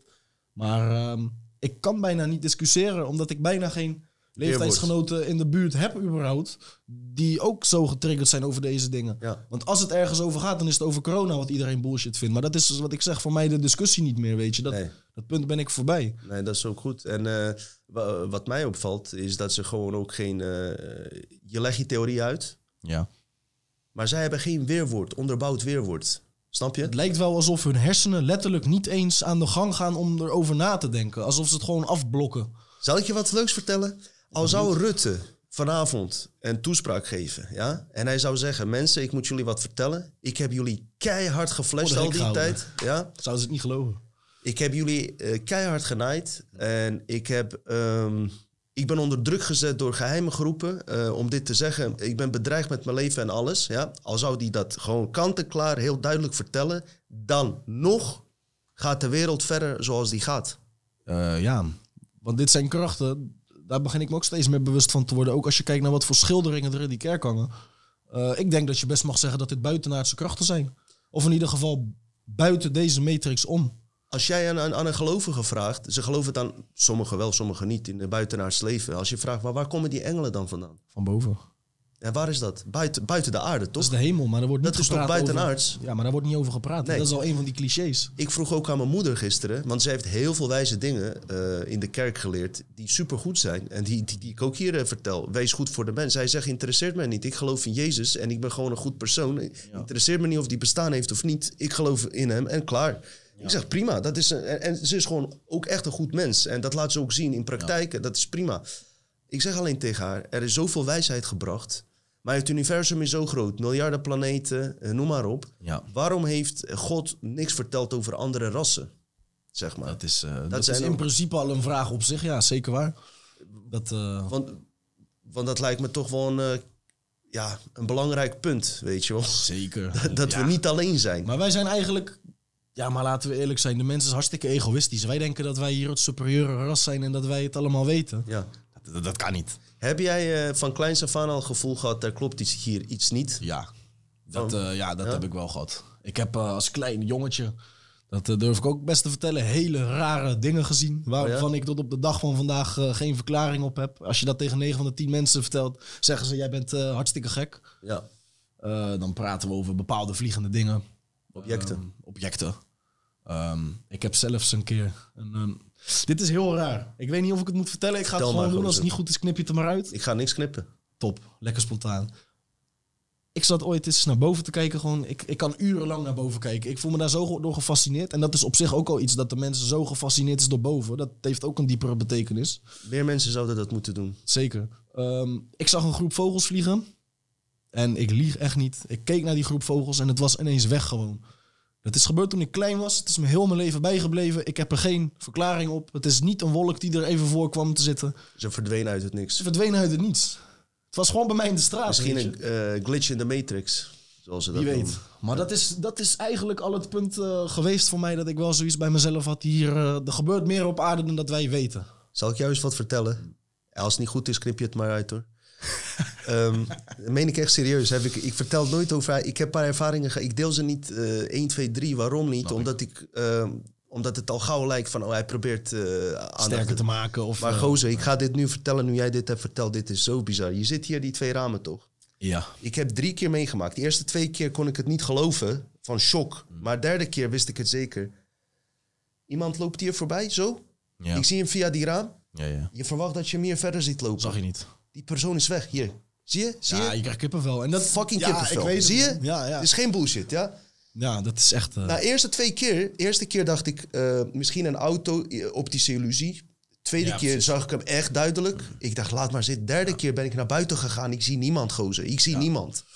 En ja. Dat zijn wel bizarre dingen. Ik heb dat ook, bizar, ja. ik heb ook mensen gesproken, maar ook in boeken gelezen. Dat ze zeg maar in een lift stapten. Mhm. Zelfs iemand die heel dicht bij me, mij staat. Ik weet niet of ik het openbaar kan vertellen. Is dat ze gewoon een lift uitgingen en ineens in, negen- in, een, eh, in 1945 een andere jaartal eh, uitkwamen. Voor, een- echt, voor een eh, kwartier lang, hè? Het is echt... Het is gekke shit. En die, kan- daar kan je inderdaad met niemand over praten. Kan je met hier. niemand over praten? Ja, hier je- wel. Ja, hier, oké. maar hier kunnen we allemaal lekker gek zijn en onszelf zijn. Ja, dat is zo mooi. Maar het is zo jammer dat als je over heel veel van deze dingen die we nu bespreken... Ik vind ze onwijs interessant. Ja. En ik snap echt niet dat mensen zin hebben om... eh so You Think You Can Dance of The Voice of Holland voor de tiende keer... of weet ik veel, voor de twintigste keer op tv te zien. Ongelooflijk. Verdiep je in dingen die echt van belang zijn voor jouzelf. Ik eh, begrijp eh, nog steeds, ja, ik begrijp het wel. Het, eh, op een of andere manier krijgt het geen ruimte buitenaardse fenomenen. Wat ik me wel kan herinneren, en zo kan je zien dat de media echt steeds, mainstream media, meer afstand houdt van paranormale. Ja. Vroeger had je nog, vroeger, hè, ik praat nu over 1998. Dat is dus zo'n 15, nee, wacht even hoor. 20, meer dan 20 jaar geleden Ja. had je nog wel eens de kans om bijvoorbeeld eh, op eh, programma Reportage heette toen die man is overleden. Dat ken ik, man. Ja. Hele interessante onderwerpen. Ja, toen hadden ze het, en dat is een van mijn eerste aanrakingen eh, met UFO's geweest. Ik was toen 10, 11 jaar. Was die autopsie van die, Die eh, alien in, van die eh, Ros- alien. Roswell toevallig ook? Of ja, dat was volgens mij Roswell autopsie. Ja. En dat werd dan op landelijk, eh, landelijk bekeken. Dat soort dingen, dat zie je ook niet meer. Dat zie je ook niet meer. Het Je had gebeurt- eh. Tineke en paranormale verhalen. Nou, dan, dan moet ik zeggen dat ik daar ook niet naar keek of zo. Maar het, het had wel wat meer aandacht mogen geven. Eh, die moorden die ze oplosten met remote viewers. Ja, nou, dat was ook wel iets dat je denkt van oké, nice. Maar ze gingen er niet eh, echt volledig op in. En dat is dus de reden waarom mensen er eh, niks van willen weten. Het komt niet op de tv, weet je. Klopt. En het moet natuurlijk wel op de tv zijn geweest. Moet het legit zijn geweest. Ja. Zo denken veel mensen. En dat vind ik heel jammer. Maar Ja, ja nu, het is. nu eh, eh, hoor je ze nog wel over de UFO's die door de Pentagon eh, zijn gezien. ja, maar ja, dat Nou is het ja. ineens wel eh Kijk, als het, bespreekbaar. als het aan die overheidsinstantie zelf had gelegen, hadden ze het altijd stilgehouden. Maar het is Ja. ook dat je met bepaalde zaken er niet omheen kan. Klopt. Het kan zijn dat ze het bewust gelekt hebben met een agenda. Het kan ook zijn dat het echt gelekt is. Maar eh, ik, ik blijf ervan verbaasd dat mensen eh, een ander eh, nog steeds de volledige toegang geven voor informatie die bij hun naar binnen gaat. Ja. Sommige dingen heb je niet door. Wij worden zelf ook beïnvloed door die symbolen bijvoorbeeld. Tuurlijk, Weet je? Maar dingen die je wel kan zien, denk bij mezelf van... Waarom moet, waarom moet extern iemand voor jou alles op- eh, eh, uitzoeken? Onderzoek Ja. iets in je leven zelf. Klopt. Je gaat boodschappen doen. Je gaat, ga je drie kranten lezen om, eh vijf, om vijf euro te besparen. Maar als je kind gevaccineerd wordt, neem je niet de moeite om die, Om even... om, om, die bijsluiter te lezen. Klopt, om klopt. even onderzoek te doen, weet je wel. Ja, de anderen doen het, dus ik doe het ook. Ja. Hoe ver? Hoe ver ga je? En dan kom je op de uitspraak schapengedrag. Ik wil Ja. het woord eigenlijk niet eens gebruiken, maar dat is wel wat er uiteindelijk gebeurt. Mensen Ja. denken niet meer voor zichzelf na. Ze luisteren naar hun herders. Als ik het over, ja, en als ik het over leeftijdsgenoten eh, met, met die jongens praat over zulke dingen. eh, ik ben echt een van de weinigen die niet gevaccineerd is in, eh, in mijn directe kring. Nu ken ik ook wel mensen die echt niet gevaccineerd zijn. Mijn oom bijvoorbeeld, een topvent, niet gevaccineerd, moet er niet aan denken. Nou, allemaal goed. Ehm, maar met de meeste jongens met wie ik spreek, ja, ik heb me toch maar laten vaccineren. Want ik had gezegd dat ik het niet zou doen. Maar als ik het moet hebben voor op vakantie, dan eh, ga ik het toch wel doen. En ja, je weet het wel. Ja, Nee, het is een ja, eh, dat, eh, dreigmiddel ja, klopt. geworden. Hey, en ehm, ik heb die vaak eigenlijk al twee keer eerder gesteld. Eén keer in mijn live aflevering en ehm, één keer bij Jorg. Ik weet niet, maar wat is jouw... We, we, we kunnen niks voorspellen. Acht jij, eh, verwacht je derde golf? Of eh, acht je ook mogelijk dat eh, dat gewoon klaar is?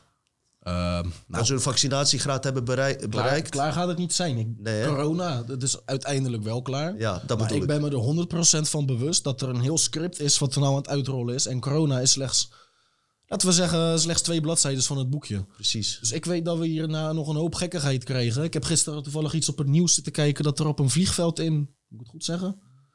Nou ja, ergens in een Aziatisch land, je hebt, je hebt daar robothonden rondlopen. Oh, Ehm, ja, dat klinkt allemaal heel gek. Die, eh, die kunnen kijken of jij je aan de coronaregels houdt.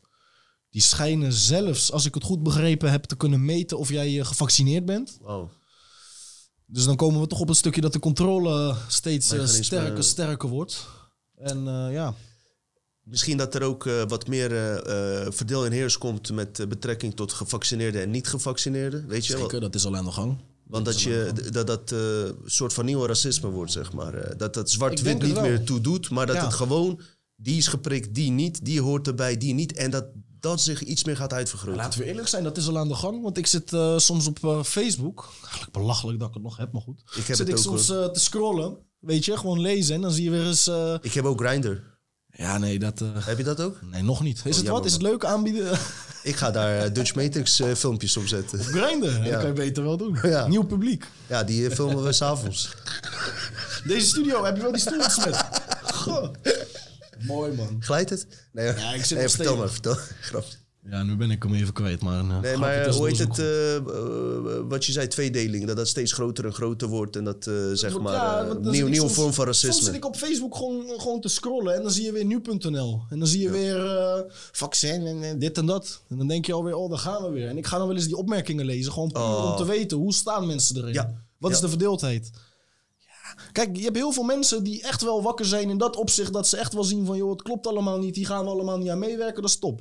Mhm. Maar je hebt zoveel mensen die de schuld willen geven aan de ongevaccineerden. Ja. Ik ben niet gevaccineerd en ik weet zeker dat ik gezonder ben als een gemiddeld mens die wel gevaccineerd is. Joh, eh, we zijn nu eh, met een miljoen mensen die die eh, dingen niet hebben genomen. Er is niks aan de hand hoor. Onderhand de hadden we allemaal al dood moeten zijn. En die leven had, had echt wel uitgekeken met zijn feestje. Tuurlijk, tuurlijk, tuurlijk. Doe dat nou is, niet, dat joh. is ook de reden waarom ik die gasten totaal niet serieus neem. En ik kijk bijna geen nieuws. Ja, Ehm, hoe heet die film? Eh They Live, toch? Met die bril. ja, ja. ja. Ja, Ik heb eigenlijk heel de dag tot die bril op. Als ik het nieuws hoor, dan hoor ik in mijn hoofd bullshit, bullshit. Weet je, zo gaat het al gewoon. Een paar weken geleden hadden ze in Kroatië hadden ze zes, zeven ministers betrapt in een, eh, in een horecagelegenheid. Ja. Eh, nou, wacht even. Dit is gebeurd tijdens de grootste lockdowns trouwens. Dus vertelde mijn relatief vader. in het begin om het Ja, waren ze gefilmd. eh, iedereen was dicht, maar voor hun werd het wel geopend. Toen zeiden ze ja, maar was van een vriend van ons die had nog wat vis over gingen we eten. Ja, ja, weet je ja, wel. ja, ja. Joh, als er echte oorlog is en wij weten wel wanneer echte oorlog is, dan, dan voelen wij dat als mensen ook aan. Zeker. Maar goed, weet je, iedereen moet zelf weten. Waar ik me vooral aan irriteer, zijn niet eens mensen die. eh, eh, kijk, je hebt mensen die een andere mening over COVID hebben, prima. Zeker. Zolang het hun mening is. Maar die mensen die die comments praten, eh, plaatsen zeg maar op nu.nl Mhm. en dat napraatgedrag van het programma vertonen, daar irriteer ik me aan. Dat zijn gewoon computerprogramma's. Het enige wat ze kunnen zeggen, jij bent een wappie. Ja. Of ehm, jij vond gevaar voor een andere. Dat zijn gewoon in, in prints, Ja. via eh, symboliek Trouwens, ook eh, als je naar die eh, eh, persconferentie kijkt, zie je ook aardig wat symboliek en manipulatie hoor. En ze zijn daar vatbaar voor. En ze praten letterlijk na van wat de overheid wil dat ze zeggen. Als al hadden ze een totaal eigen mening. En het maakt niet uit dat die haaks gaat op mijn mening. Maar dat het wel hun eigen mening is. Inderdaad. Dan heb ik respect voor je. Maar dan mag je ja. zeggen wat je wil. Maar ga niet zo lopen napraten. En, Nee, inderdaad. Al- En dat als gaat ook heel goed gepaard samen met dat hart, eh, hartbrein, vind ik. Want eh, ga dan minder kijken naar wat je denkt en ga gewoon eens wat meer kijken naar wat je voelt. Precies. En dat, dat probeer ik dan ook toe te passen. Tuurlijk. En je gevoel, die, zijn lerend daarin. in je hoofd zitten stoorzenders. Die niet in je hart zitten. Ben ik me van, denk ik in ieder geval, zo voel ik het. Mhm. Mensen zouden het eens meer moeten doen. Voelen wat ze zelf voelen in plaats van wat ze denken of wat ze zien of wat ze horen. Ehm, ja, bijvoorbeeld een, een, een stom voorbeeld. Ik, eh, ik keek eerst altijd heel graag naar Voetbal International. Ik weet niet of je het een beetje kent. Ja, maar door die Johan Derksen kijk ik Nee, niet meer. ik was altijd, ik vond het echt een hele leuke vent altijd, Ik ook. Johan Derksen. Ik mocht En hem ik ook vind het ook zo jammer. Ik denk ook dat Heb je met gewoon- Snijder gezien? Nee, ik heb het niet gezien, man. Ik heb een heel klein stukje op YouTube ervan teruggezien. Maar sinds hij zich zo aan het uiten is met die vaccinaties en met dit Ja. en dat, ik kijk er gewoon niet Hij meer naar. begon ook tegen Snijder, Wesley Snijder. Ja, zegt die wou het ook niet eh, nemen, toch? Hij zegt, luister, als ik in een vliegtuig ga, eh, doe ik gewoon een test. Ja. En dan weet ik of ik... eh, weet je het nog niet, maar goed, ik, ik, ik snap zijn punt. Hij, hij maakt een hele goede punt. Hij zegt, als ik in een vliegtuig zit en ik heb die test gehad, weet ik of ik hem heb of niet. Terwijl mensen die gevaccineerd zijn, blijkt dat ze soms besmet zijn, maar die hoeven die test niet te doen. Het is bullshit. Dus zij zijn eh, veel gevaarlijker. Dat is wat hij zei. Toen begon Ja. Johan Derksen hem schuldgevoel aan te praten. Ja, maar je moet ook aan anderen. Joh, weet je, die, die mensen die zijn afhankelijk Ja. van tv. En eh, dat blijft gewoon zo. Maar daar begint je? die racisme indirect al waar ik net over had. Daar begint hij al sneaky de hoek om te kijken. Zo wordt het gevoed. Zo, wordt Ja. zo, zo wordt het eh, zeker gevoed. Zeker Ja, klopt. gevoed. Ja, man. Hey, eh, ik heb ook eh, twee mooie kristalletjes van je gekregen. Ja, meegenomen. Wat zijn dit voor kristallen, man? Bedankt. Het is een amethyst gevonden in... ehm, ja, dat is al in Frankrijk geweest en in de Alpen. Ik vind het altijd leuk om op naar stenen op zoek te gaan in de natuur als ik op vakantie Mooi ben. cadeautje, man. Het is een stukje piriet. Het is eh, zelf gevonden, dus ik ben ervan overtuigd dat de positieve trillingen die het meebrengt helemaal top zijn. Je hebt niet gejat, hè? Niet gejat, man. Ik wou het wel doen, toch? Maar ik dacht, ja, dan zal je zien dat ik word opgepakt. Kan ik hier dadelijk niet komen, zal je Nee, dat hoor, nee, hoor, nee. Su- eh, eh, super, man. Super. hey, maar eh, qua bewustzijn en zo. Je had het net over de hartbrein en zo. Ja. Heb je bepaalde, ja, ik noem maar wat momenten. Je bent te veel met de complotten bezig. Je wil in Ja. balans komen. Hoe kom je in balans? Heel veel dingen die ik interessant vind. Eh, het is kut, het is hoe het is. Die gaan gewoon gepaard met een heleboel misselijke zaken. Ehm, nou ja, om dat toch nog een beetje te balanceren, eh, dan ga ik inderdaad een beetje kijken naar hartritme en dat soort dingen. Dan ga ik me inderdaad daar een beetje op richten om het positieve in mezelf naar boven te halen. Want ik merk dat ik daar wel degelijk veel aan heb. Het is een goede beschermer voor jezelf, denk ik. Je hartritme, als je daar wat meer naar luistert. Ik denk dat het je een hele hoop wijze lessen mee kan nemen als je weet hoe je ermee moet omgaan en je er wat meer naar luistert.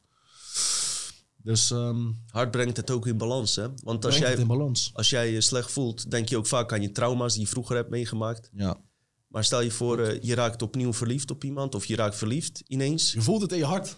Ja, maar dan gaan die trauma's ook weg. Dan heb je ineens geen last meer van die trauma's. Klopt. Je hart brengt het in balans. Dus je moet op zoek gaan naar hoop, zou ik dan zeggen. Ja. En dan maakt niet uit of jij, eh, weet ik veel, lekker een spelletje gaat spelen of een rondje gaat hardlopen. Ja. Of jij eh, je, je eigen gaat verdienen in, verdiepen in dingen die jij interessant vindt op een positief level. Eh, hoop, denk Ja. ik dat het heel goed in balans houdt met je hart. Ben jij een beter mens geworden, denk je, door die complotten? Ja, man. Ja? Ja, ja, ja. Wat voor opzicht? Zeker. Ehm, nou ja, ik mag ook wel gewoon eerlijk vertellen dat ik niet altijd een lievertje ben geweest. En dat ik ook wel gewoon gekkigheid heb uitgesproken in mijn jeugd. Ja? En dat Zoals? ik na, ja, nou ja, toch wel eh, ben je wel op, eens- ben je op, op Grindr geweest? op grinder, heel stout. nee, daar ben ik nog niet geweest, man. Ja, maakt, maakt toch niet uit maar, Maakt toch eh, niet uit. Iedereen, eh, nee, natuurlijk niet. Nee, maar ik heb niet altijd even goed geleefd. Ook dingen gedaan waar ik gewoon niet trots op ben. Dat hebben we allemaal toch. En ehm, ik begin echt te denken dat het ehm, bepaalde eh gezegdes komen ergens vandaan. Bijvoorbeeld wie goed doet, wie goed ontmoet. Zeker. En dan, dan, dan praat ik niet met ik help jou vandaag en morgen vind ik een miljoen dat, op je, straat. iets- dat je iets verwacht, zonder nee, maar ik zoek dan naar innerlijke rust, weet je. En ik denk Mhm. dat dat het wel brengt. Innerlijke rust wordt komt voort uit...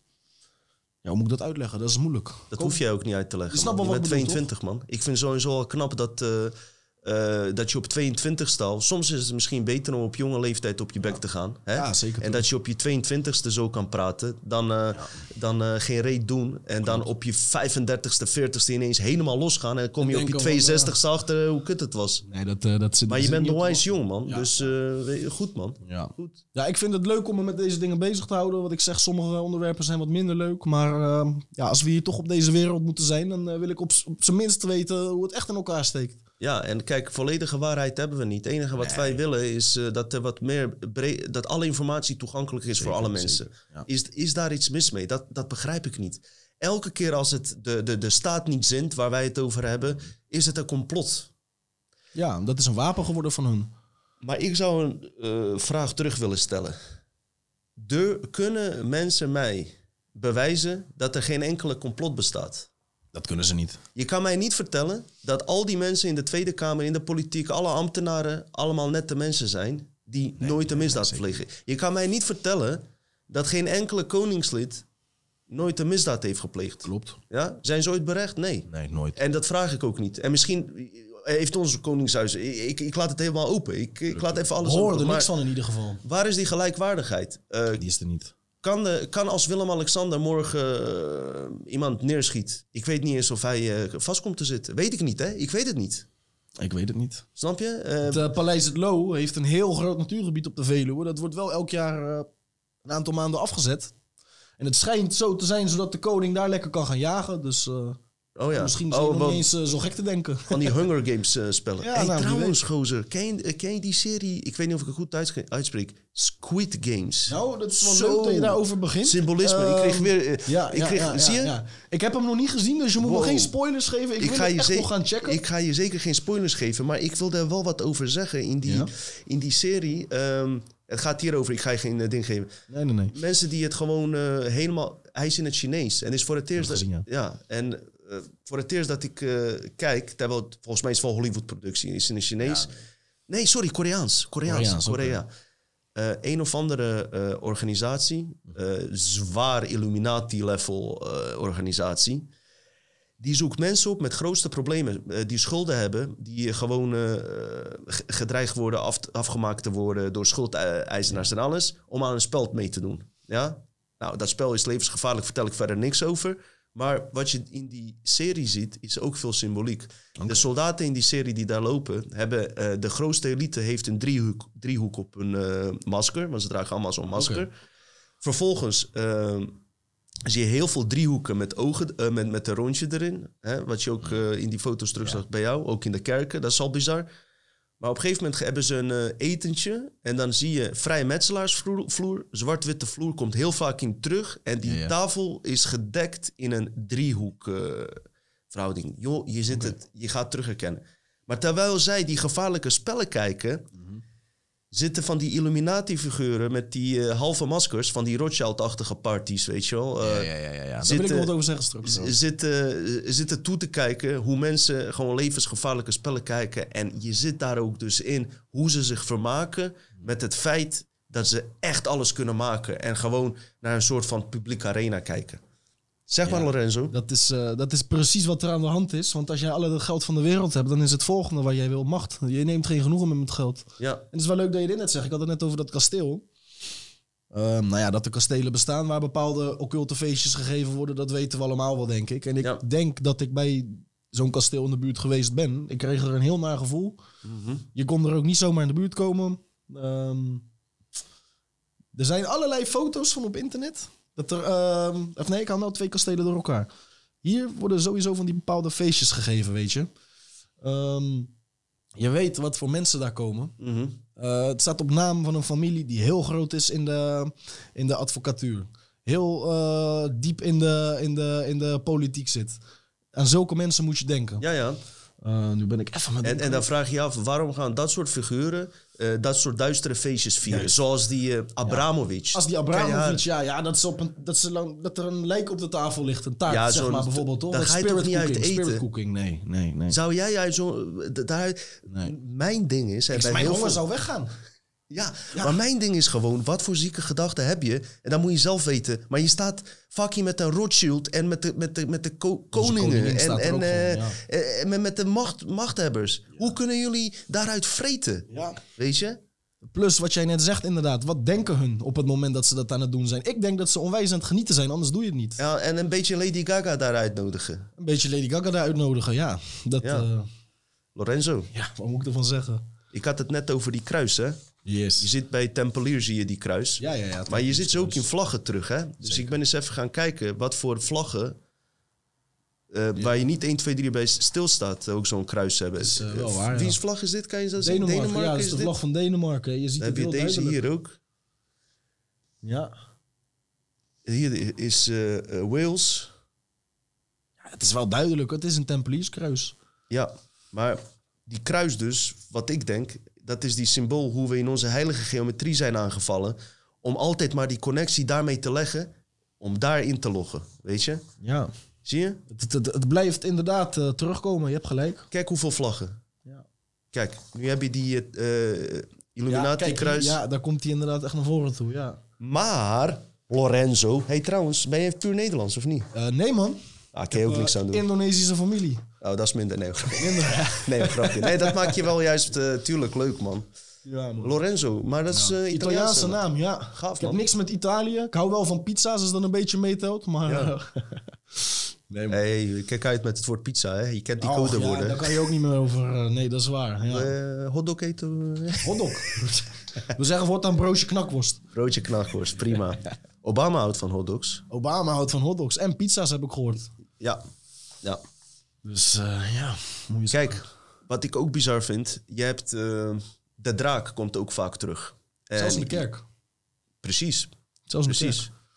Heb je veel draken gezien in die Ik kerk? heb een eh, foto naar jou toegestuurd. Je zou straks maar even moeten kijken. Ja? moet ertussen staan. Stuur me zo en zo later nog meer. Die overige foto's plak ik ze doorheen nog, ja? En wat daar wel merkwaardig aan is, is dat die draken ook nog eens op het plafond afgebeeld Ja. worden. Dus oftewel draken van boven. Ja.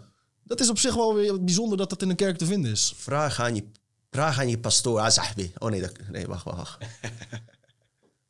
vraag aan je pastoor waar die draken voor staan. Ik kan eventueel wel wat daaraan toevoegen, weet je wel. Kijk, dat, waar wij het over hebben, is dat eh, die kunstmatige intelligentie... Drakenrassen waren oorspronkelijke bronwezens, net als wij. Ja, maar Ze zijn in verval gekomen. Ze zijn het meest geïnfecteerd van iedereen. Ja. Ja? En die draconische energie is argonte, kunstmatige energie. kunstmatig inderdaad, ja. En die laten zich zien. Maar ook die verhalen van die ridders die een, eh, tegen een draak vechten en zo. Weet je wel? Tempeliers, Dat moet ridders. toch ergens draak. op gebaseerd zijn? Dat moet Daarom. Maar kijk, klopt. dan zou je kunnen denken dat zijn mythes. Maar waarom zou het dan zo belangrijk zijn dat het in de vlaggen Ja. staat? Welke vlag is dit? is, kan je eens eh, even meelezen, gozer? Eh, ja, dit is de vlag van Bhutan staat hier. En eh, dit is heel duidelijk. Duidelijker kan je het eigenlijk niet Hier, hebben. eentje van, van- uit boeddhisme natuurlijk. Hè, waar het, Zo, ja. Deze is van Wils. Vlag van Wils. Dit is de vlag van Wils. Ja, man. Is toch raar? En hier zit die heel erg verstopt. Als je inzoekt, zie je een kleine draak. En die ridder, eh, die, die ridder vecht daarmee, Ja, zeg maar. ja, ja, het is inderdaad erg verstopt. Maar zo heb je nog wel meer symbolen waar het erg verstopt in is. En er zijn er nog veel en veel meer. En dan heb ik hier ook eh, de, eh, waar de zon, de zonnegod. Leuk dat je daarover begint. Dat, nou, ga maar verder, ga maar. Dit vind je in elke kerk. Ook weer, hè? En het is heel leuk. Zo lang eh, hoef je niet eens te gaan researchen. Maar als jij echt onderzoek gaat doen, dan kom je er ook weer bij dat een zonnesymbool het staat voor de zonnegod. Ja. Eh, dat is niet positief. Nee, hè? Wat is, er niet positief. aan? Nou ja, ik moet je heel eerlijk Zon is zeggen. toch lekker, man? de zon is heerlijk. Lekker bakken, prima. Ja. Maar in de, in de kerk moet gewoon een eh koelte hangen. Er moet geen zon te vinden zijn, want dan vertrouw ik die kerk niet. Nee, nee, nee. En als, als we zon willen, hadden ze ook gewoon die ramen gewoon eh, ook zo kunnen maken dat er zon doorheen komt, of Ja, niet? ja, ja, ja. Beetje duister lopen maken. Klopt. Maar goed, weet je, niet om kerken af. Echt, echt niet hoor. Nee, Want kijk, nee, Ik, ik, je, moet, je, moet, je moet ervan uitgaan dat 99%, misschien ook van die priesters en zo, hier niks van af weten. Klopt. Ze, ze doen het goede. Ze zitten ook ingelogd, net als een minister in een politiek programma zit aangelijnd. Zo zit, eh, zo zit zo'n priester ook. Een aantal weten het donders goed. Zijn, kijk, heel vaak zon. In heel veel vlaggen terug, ja, klopt. Eh, dit is van Rwanda. Kijk, dit is deze dan, weet je wel. oh, ik zie het. Ehm, Nigeria is deze. Mhm. Eh, eh, hoe heet die? Eh, Uruguay. Uruguay, ja. Zie je? Dit Eh, is nog de is duidelijkste, want deze, met het heel ziek. gezichtje, dit is wel grappig. Je hebt heel veel mensen, dit is ook een soort stukje kunst. Je hebt ook heel veel mensen die hebben zo'n zonnetje aan de muur hangen. Heb je het wel eens gezien? Zo'n soort Ik, ik heb hem vaker gezien, zonnetje. deze. Ik heb hem vaker gezien. Terwijl mensen totaal geen idee hebben wat het symbool betekent. Nee. Eigenlijk hetzelfde met die engeltjes. Mensen hebben altijd een engeltjes. Het is een baby op een seksueel, eh, seksuele manier afgebeeld. Ja, Waarom is dat naakt. een engeltje? Ja. Ja. Dat, dat vind ik ook iets raars, weet je. Mhm. As we speaking. Maar, maar, vaak ook als mensen zeg maar, eh, eh, in de problemen zitten. Mhm. En dat is de grootste misleiding die er is. Gaan dan een aarts, aartsengel Michael om hulp vragen. Wat je daarmee eigenlijk doet, is eh, zeggen van ik ben niks. Ik stel niks voor. Ik, heb jou nodig om verder Ik te heb jou nodig. Maar dan sta je dus aangelijnd op die artificieel draconisch Ik veld. denk dat je dat, dat je dat ego dan ook alleen maar sterker maakt. Naarmate Tuurlijk. dat jij je energie je daarin... maakt jezelf gewoon kleiner, weet je. Je hebt Ja, helemaal zeker. geen eh, aartsengel Michael nodig. Je, je reist gewoon naar binnen. Zeker. Oh, dit, dit is allemaal dubbel. Ja, nou ja. Dus eh, ja, weet je, Maar je hebt gelijk, het komt in zoveel vlaggen terug. Dan- Dan vraag je je af van, En, waarom? En bekende bedrijven die driehoeksystemen hebben. En eh, Ja. niemand vraagt zich af. En dat vind ik... Niemand heeft daar onderzoek naar gedaan. Afgelopen decennia op tv is dat bewust... Er zullen vast wel mensen zijn geweest die hier iets mee wilden doen. Be- be- bewust weggehaald. Bewust weggehaald. Nou, gelukkig hebben wij het over. Er komen steeds interessantere mensen ook in andere Ja, zeker. eh, met eigen websites die hiermee bezig zijn. Ja, zo. super Dus, tof. eh, nou, ik vind dat ook wel tof om te zien. Dat mensen er gewoon genoeg van hebben. En dit is toch wel een manier... Dat vind ik wel grappig. Dat wil ik alleen nog zeggen. Het verhaal van de toren van Babel ken je ook, toch? Ja, Ik dat- vind dat we daar gewoon middenin zitten. Wij zitten in zo'n zware informatiecrisis. Kijk, ehm, ik bedoel, ik kan Nederlands, Engels. Duits kom ik een beetje mee uit de voeten. Maar daar houdt het wel bij op.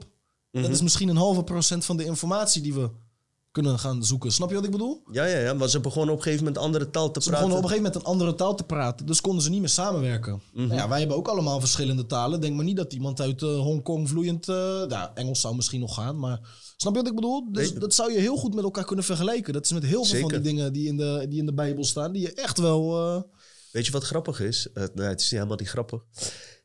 Het schijnt zo te zijn, bij de toren van Babel, toen ze die aan het bouwen waren, sprak iedereen dezelfde taal. Ja. Toen is er een eh, bewustzijnval gekomen, een infectie. Op het moment dat mensen ehm, verschillende talen beginnen te krijgen, kreeg je een verdeel, verdeeldheid. Oh ja, groepjes, tuurlijk. Ja? Nou ging het hierover, ik was iets aan het uitzoeken. Het ging erover dat eigenlijk Joden en Ariërs uit één dezelfde familie afstammen. Ja, dat... eh, En dat is die familie die ook eh, bij die toren van Babel aanwezig was. En toen werden ze in tweeën gedeeld. Die werden Joods, die werden zeg maar Ariërs. Even heel, Heel, eh, globaal gezegd. ja, ik weet er ook niet heel veel nee, over. Het ging er eigenlijk meer over dat in de tijd van de Tweede Wereldoorlog... was er een hele hoge officier, Mhm. een, een nazi-officier... die Hitler en de zijnen probeerde te overtuigen en uit te leggen qua geschiedenisboeken... dat Ariërs en Joden een hele dichte familie van elkaar zijn. Het zijn allebei gekozen volken geweest.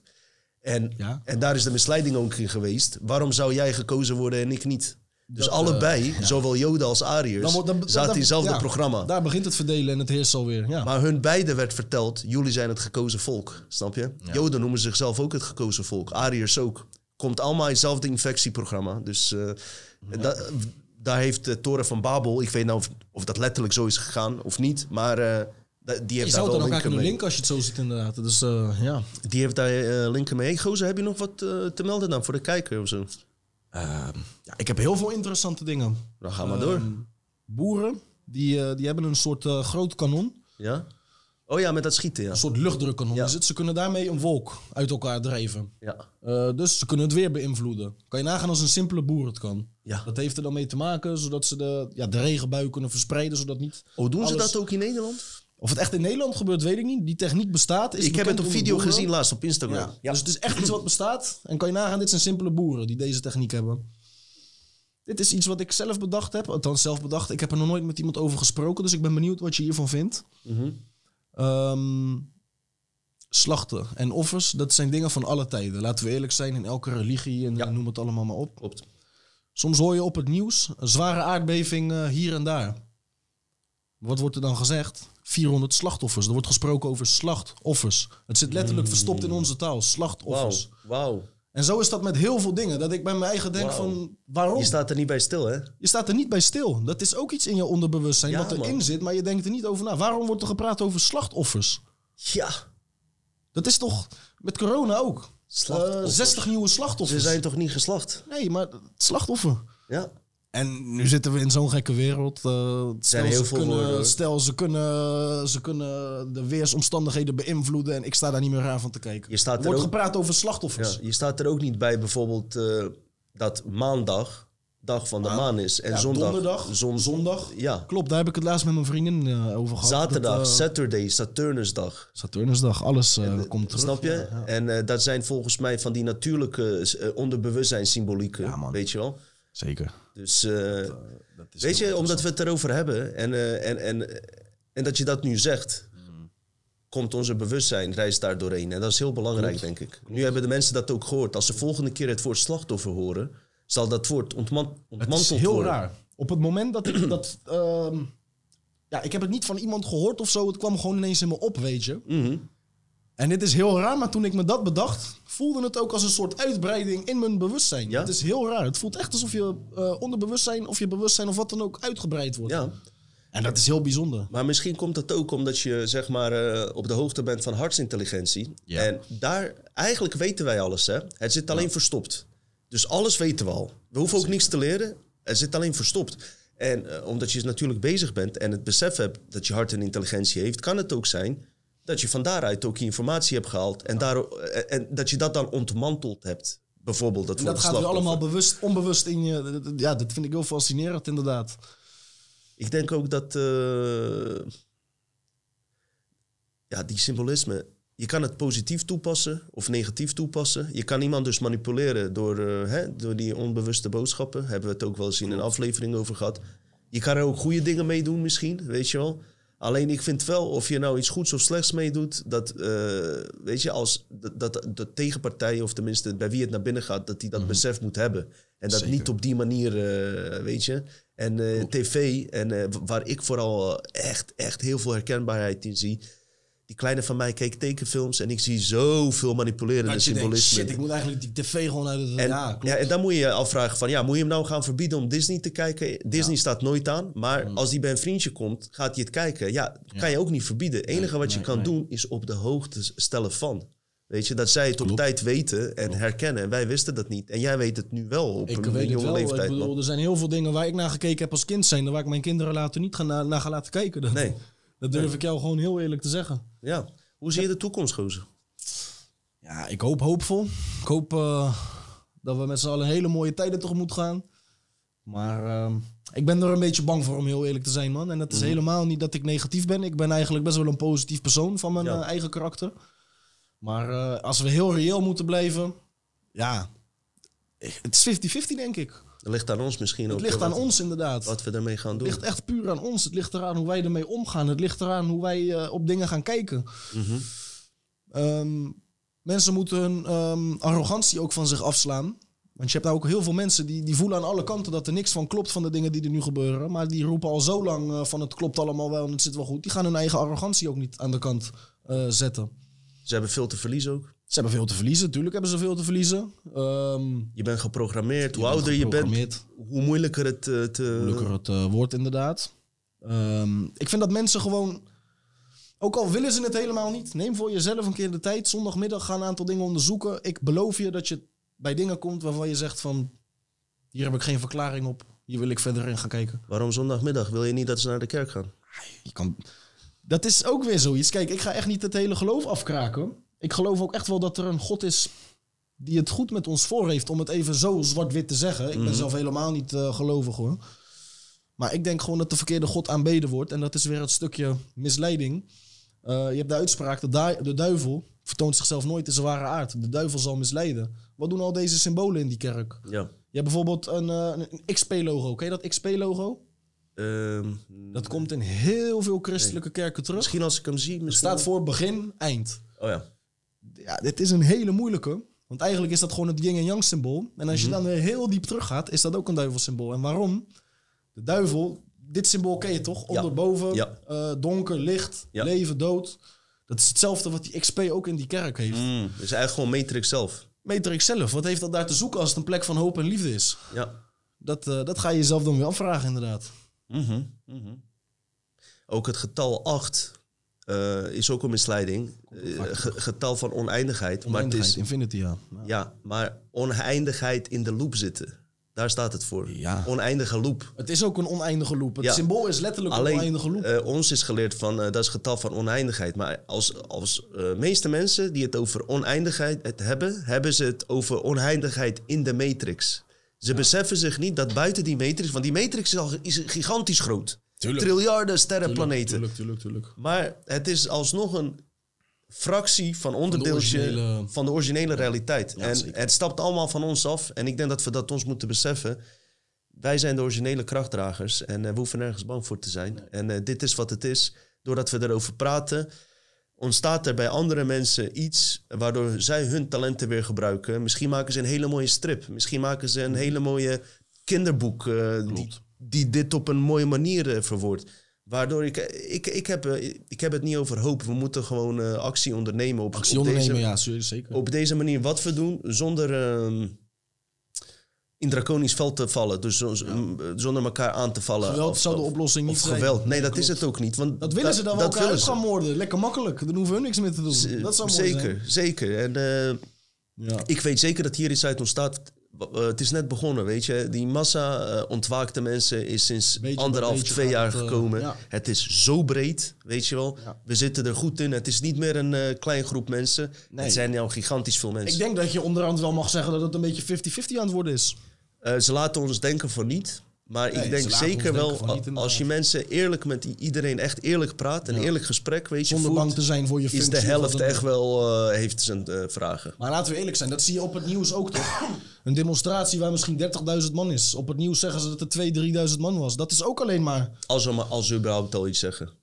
Inderdaad, ja. Ja. Ja, inderdaad. Er zijn genoeg Dus, eh, demonstraties geweest waar nooit over is gepraat. Dan kijk ik op een Kroatische website, zie ik ineens pro- eh, protesten in Nederland, waar ik zelf niet eens wat vanaf wist. Wat ook wel grappig is, ik ben deze zomer natuurlijk naar Luxemburg geweest. Eh, daarvoor rijden door, eh, door België. Mhm. En er werd op het nieuws gezegd, massale controles, ga er niet heen, blijf gewoon thuis. Ja. Ik kan je zeggen, Dino, helemaal niks aan de hand. Klopt, omdat jij Echt in je helemaal eigen, niks aan de hand. omdat je in je eigen film hebt gezeten en Ja. niet hebt laten misleiden door... klopt, klopt, klopt. Want datgene wat zij uitzenden, is datgene wat zij willen. Ja, hun willen jou in dat script hebben. Ja, en als jij daar tegen ingaat, versterk je die eh, script. Als je daar tegen ingaat op een draconische manier, weet je wel. Ja, ja, ja. Op- door, door te roepen, nee, dat willen we niet, we worden massaal uitgemoord. dan, dan, dan ga je daar energie in steken. Wat heb ik net gedaan aan het begin van de show? Ja, ze hebben drie video's verwijderd.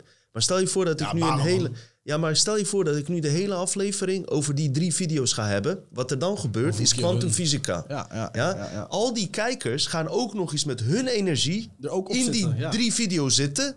Waardoor de gevolgen, Hun worden alleen maar gevoed. dan wordt het gevoed. Ik heb het alleen sporadisch doorheen verteld. Mensen kunnen naar Rumble. Klaar, ik heb het er gewoon niet meer over. Het is Nee, ook niet precies. belangrijk. Weet je, Nee, klaar, we gaan verder. En dat is wat, we- wat we moeten doen. Als op het nieuws komt bijvoorbeeld... eh, ehm, ik heb het natuurlijk ook toen ik naar Bosnië ging. Ja, je komt nergens doorheen. M- m- Ja. Mijn vriendin ook. Ja, we moeten ons voorbereiden, dit, dat. Ik zeg nee. We gaan gewoon Kracht van creatie. en we gaan ook niet zeggen wanneer we gaan. Ja, Die moment komt, we gaan. Dan zijn we onvoorspelbaar. Want daar ga, daar ga je niet via de brein eh, werken. daar ga je van je eigen creatie. Wil je nog, nog, nog meer kwijt, gozer? Oh, ik weet. Ja, ik zou zoveel hebben om kwijt te kunnen. Ik zou nu 1, 2, 3 even niks... eh, Misschien in de toekomst een keer een aflevering met Simon of. Ersan erbij. Zodat weet. we met z'n drieën zitten. weet, want volgens mij eh, ben je best wel breed inzetbaar. Ik ben ja, best wel breed inzetbaar, maar dat komt ook omdat ik heel veel dingen interessant vind. En wat mijn motivatie is, is dat ik meer antwoorden heb als vragen. Dus dat blijft me toch wel triggeren, snap je? En die antwoorden die brengen weer nieuwe vragen. Die met brengen weer mee. nieuwe vragen. Ja. Ja. die brengen geen antwoorden, maar nieuwe vragen. Ja, Dus eh, ja man, dat is diep. op school niet gehad hè, dit soort School niet gehad, nee zeker niet. Dat, eh, dat ik naar school ben geweest is sowieso even geleden. Wat heb je gedaan eh, voor... Ik heb op school niet veel bijzonders gedaan. Een logistieke opleiding gedaan, zodat ik lekker kon gaan werken. Ja. Ik ben nu gewoon aan het werk en ik ben wel weer van plan om terug naar school te gaan. Oké. Dus ik ben wel echt weer van plan Wat om, doe je nu voor werk? Nu ben ik gewoon heftruckchauffeur, joh. het is niks gewoon. bijzonders. Het is gewoon Ja. een loods. Het is gewoon... eh, Er is toch niks, niks mis mee, man. ik ben, zeker gla- niks ik ben mis glazen wassen. Ik vind het hartstikke leuk. Prachtig. Je Lekker bent vrij, bewegen. je bent ja, buiten, toch? eh, Je hebt geen baas die je nek loopt tegen. Als het maar relaxed is, als jij lekker bij Zeker, voelt, man. Ja, Ja, voor man. nu is het even, even goed inderdaad, man. Dus. Denk je dat er in de toekomst, eh, vraag ik me wel eens af, eh, op school lessen komen over complotten, weet je wel? Nee, nee, nee, nee, dat gaat niet gebeuren. Dan wil ik gelijk nog één ding toevoegen van die kerken waar ik het net over had. Negen van die tien kerken hebben een school aan die kerk vast. Oh ja. Ehm, heel veel mensen denken ook dat scholen neergezet worden door gemeentes. Dat is helemaal niet waar. In een christelijke gemeente betaalt de kerk de school. Ja. ja, die bepaalt ook wat jij leert. Precies. Die bepaalt ook wie er later voor die kerk gaat staan. Dus En anders moet je maar naar een openbare school. anders moet je naar een openbare school gaan. Ja, ik heb toch wel het gevoel dat je op een... Ja, ik ga ook geen christelijke school afzeiken, want ik weet daar simpelweg gewoon te weinig van. En Nee. er zullen ook echt heel veel goede tussen zitten. Maar eh, ja, mijn kind zou sowieso later naar een openbare school gaan. Mhm. Omdat hij dan in ieder geval zelf vrij is om eh, te willen en te geloven en te doen wat hij zelf eh, wil. Ja. Ja, ik denk Ja, dat, dat, dat er sowieso uh, gamechanger is, ook qua opleidingen nu. Dat er heel veel nieuwe initiatieven gaan komen. Zeker. Maar of het ooit over die complotten... ge- ja, ik weet het niet, man. Ik hoop het ergens wel. Bij maatschappijleer of zo. Maatschappijleer, ja, inderdaad. Of nieuwe geschiedenis. Ja, Dat het ook echt nieuwe geschiedenis gaat heten. ja. Alle geschiedenis die we kennen, laten we eerlijk zijn. Er klopt de helft van de dingen die wij geleerd hebben op school, of zeg maar gerust 80%, klopt gewoon niet. Het Nee, is gewoon niet waar. nee. Hey, Dus en ja, en man. eh, heb je ook een beetje over buitenaardsen en zo eh, veel opgezocht? Buitenaards heb ik, eh, heb ik ja, ja, zeker. Ja? Ik heb ook eh, veel naar jouw eh, podcasts gekeken. Nou ja, laten, we- dat gaat natuurlijk ook vaak over het buitenaardse. Ja. Dat vind ik onwijs interessant. Als wij gewoon omhoog kijken, weten we al dat we niet alleen zijn. Dat is eigenlijk voldoende bewijs. Maar Het, fe- het feit dat je omhoog kijkt, betekent dat je toch eh, naar iets eh, oorspronkelijks op zoek bent. Wat er niet Klopt. is. En dat mensen zijn heel erg gefascineerd door boven. En dat is, ik denk dat dat ook wel weer met het reden is. Dat wij zo getriggerd zijn om naar boven te... De mens wil naar de, naar de maan reizen en dat soort dingen ook, toch? Tuurlijk, ontdekken. Maar kijk eens alleen. Eh 90% van mensen kijkt nooit naar boven. Die, die kijkt juist naar beneden. Ze willen dat je naar beneden kijkt. Ja, klopt. Moet ze willen niet je- dat je naar boven kijkt. Je hoofd omhoog houden is ook... eh, dat moet je wat letterlijker nemen. Ja. Je hoofd omhoog houden. Of, of dat bangmakerij dat je niet in de zon mag kijken. Dat is ook bullshit. Dat is ook eh, bullshit, ja. Ik kijk elke dag 10 minuten, kwartier. Nou, niet elke dag. Vaak wel in de zon als ik weinig buiten ben geweest. Want het is onwijs gezond. Het is onwijs gezond, zeker. Komt vitamine D naar Vitamine binnen. D, dat is volgens mij... Mijn hele leven lang is vertellen, dus- eh, lopen vertellen, niet in de zon kijken. Word je blind, word je blind. Er wordt ook gezegd van, joh, niet te veel in de zon, dan krijg je huidkanker van. Nou ja, in sorry, Nederland, maar alle, eh, alle, alle, ja, ten eerste Nederland en alle fabrieken die eromheen staan, daar krijgen we ook wel ziektes Ja. van. Dus waarom zouden we niet in die zon kunnen gaan staan? Nou, dat zeggen ze. Als jij die kanker krijgt door die fabrieken, zeggen ze, kom door de Onder zon. de zon, ja, zeker. Gozer, zullen we afsluiten? Ik vind het helemaal goed, man, zeker. Eh, moeder van Lorenzo, bedankt dat hij hier mocht komen. Vriendin, Vriendin, heeft bedankt. heel erg bedankt. Ze heeft hem hier afgezet. Ja, Ja, ja, ja, jij ja, hebt het ja. goed voor elkaar, gozer. Helemaal top. En ehm, de vo- volgende aflevering zal waarschijnlijk met Simon worden. En eh, hij gaat volgens mij deel 2 van eh Tatara doen. En ik heb iets, eh, jongens, eh, waar ik het over had. je holografische tweeling die ze aan het maken zijn. Dus ze hebben nu eigenlijk via alle gegevens die wij al... hè, via deze mooie apparaatjes en nog andere methoden... Informatie die ze over ons hebben, wordt dus opgeslagen op een megacomputer. Daar is al een nieuwe virtuele aarde op aan de, ja, gemaakt. met ieder individu op zich. Dus er is, er is een tweeling van jou daar, een holografische tweeling. En die holografische tweeling gedraagt zich naar jouw patronen, hoe jij je gedraagt. Die informatie hebben ze van je. En dat wordt steeds meer en meer. En hun doel is, is dat die, die wereld op een gegeven moment primaire wereld gaat worden. En deze lichamen zullen dan op een gegeven moment ook niet zo heel erg nodig zijn. Nou, de volgende vraag is, is als er generaties verder die wereld zo serieus wordt, in hoeverre besef je dat je ook een originele zelf hebt die hier zit? En dan gaan we nog eens eh stap verder, is jezelf afvragen of dit niet ook zo'n wereld is en dat er niet een originele zelf eh, zich op een andere veld bevindt. Begrijp je wat ik bedoel? Ik begrijp wat je bedoelt. Helemaal ja, top, zeker. helemaal top. Ik zie al Heb ja jij, eh, knikken. dat Heb het, Black ja. Mirror gekeken toevallig? Ja, bizar hè? Heb je die aflevering ook van dat die geliefde overlijdt? Dat ze die in Ja, een dat chip ze hem doen? terug konden halen of zo. Dat ze Zou je hier ook weer aan kunnen linken, toch? Dus wat dat er gaat. Heel dit is- bizar, heel ja, bizar. Maar eh, waarom zeg ik dit? Omdat heel veel mensen gewoon ook binnen de complotten nog steeds eh, niet kunnen begrijpen of eh, niet serieus nemen dat ze gewoon je brein kunnen hacken. Dat de intelligenties en programma's zo ver Ja, zijn zeker. om je eh, gedrag te bepalen zonder dat je het door hebt, wat jij net zei. Dat kan Ja, via ja, symboliek ja, gaan, maar dat kan dus ook wireless gaan. En daar ga ik me vooral op richten. Het is nogal eh, eh, best wel pittig qua informatie. Vandaar dat ik deze week heb overgeslagen. Ik wil die shit even goed erin gaan brengen, want het is echt mindblowing. Wat je gaat horen zo en zo. Simon is er weer bij en eh, hey, eh, we zijn blij dat jullie hebben gekeken. En wie weet komt Lorenzo nog een keer terug. Ik vond Wie het een super eh, toffe gast. oh, Een eh, hele gezellige jongen toen die binnenkwam op 22-jarige leeftijd. Komt hij ook nog op tijd en helemaal goed leuke foto's laten zien. En ehm, Ja. ik vond een geslaagde aflevering. Mensen, bedankt voor het kijken en de groeten.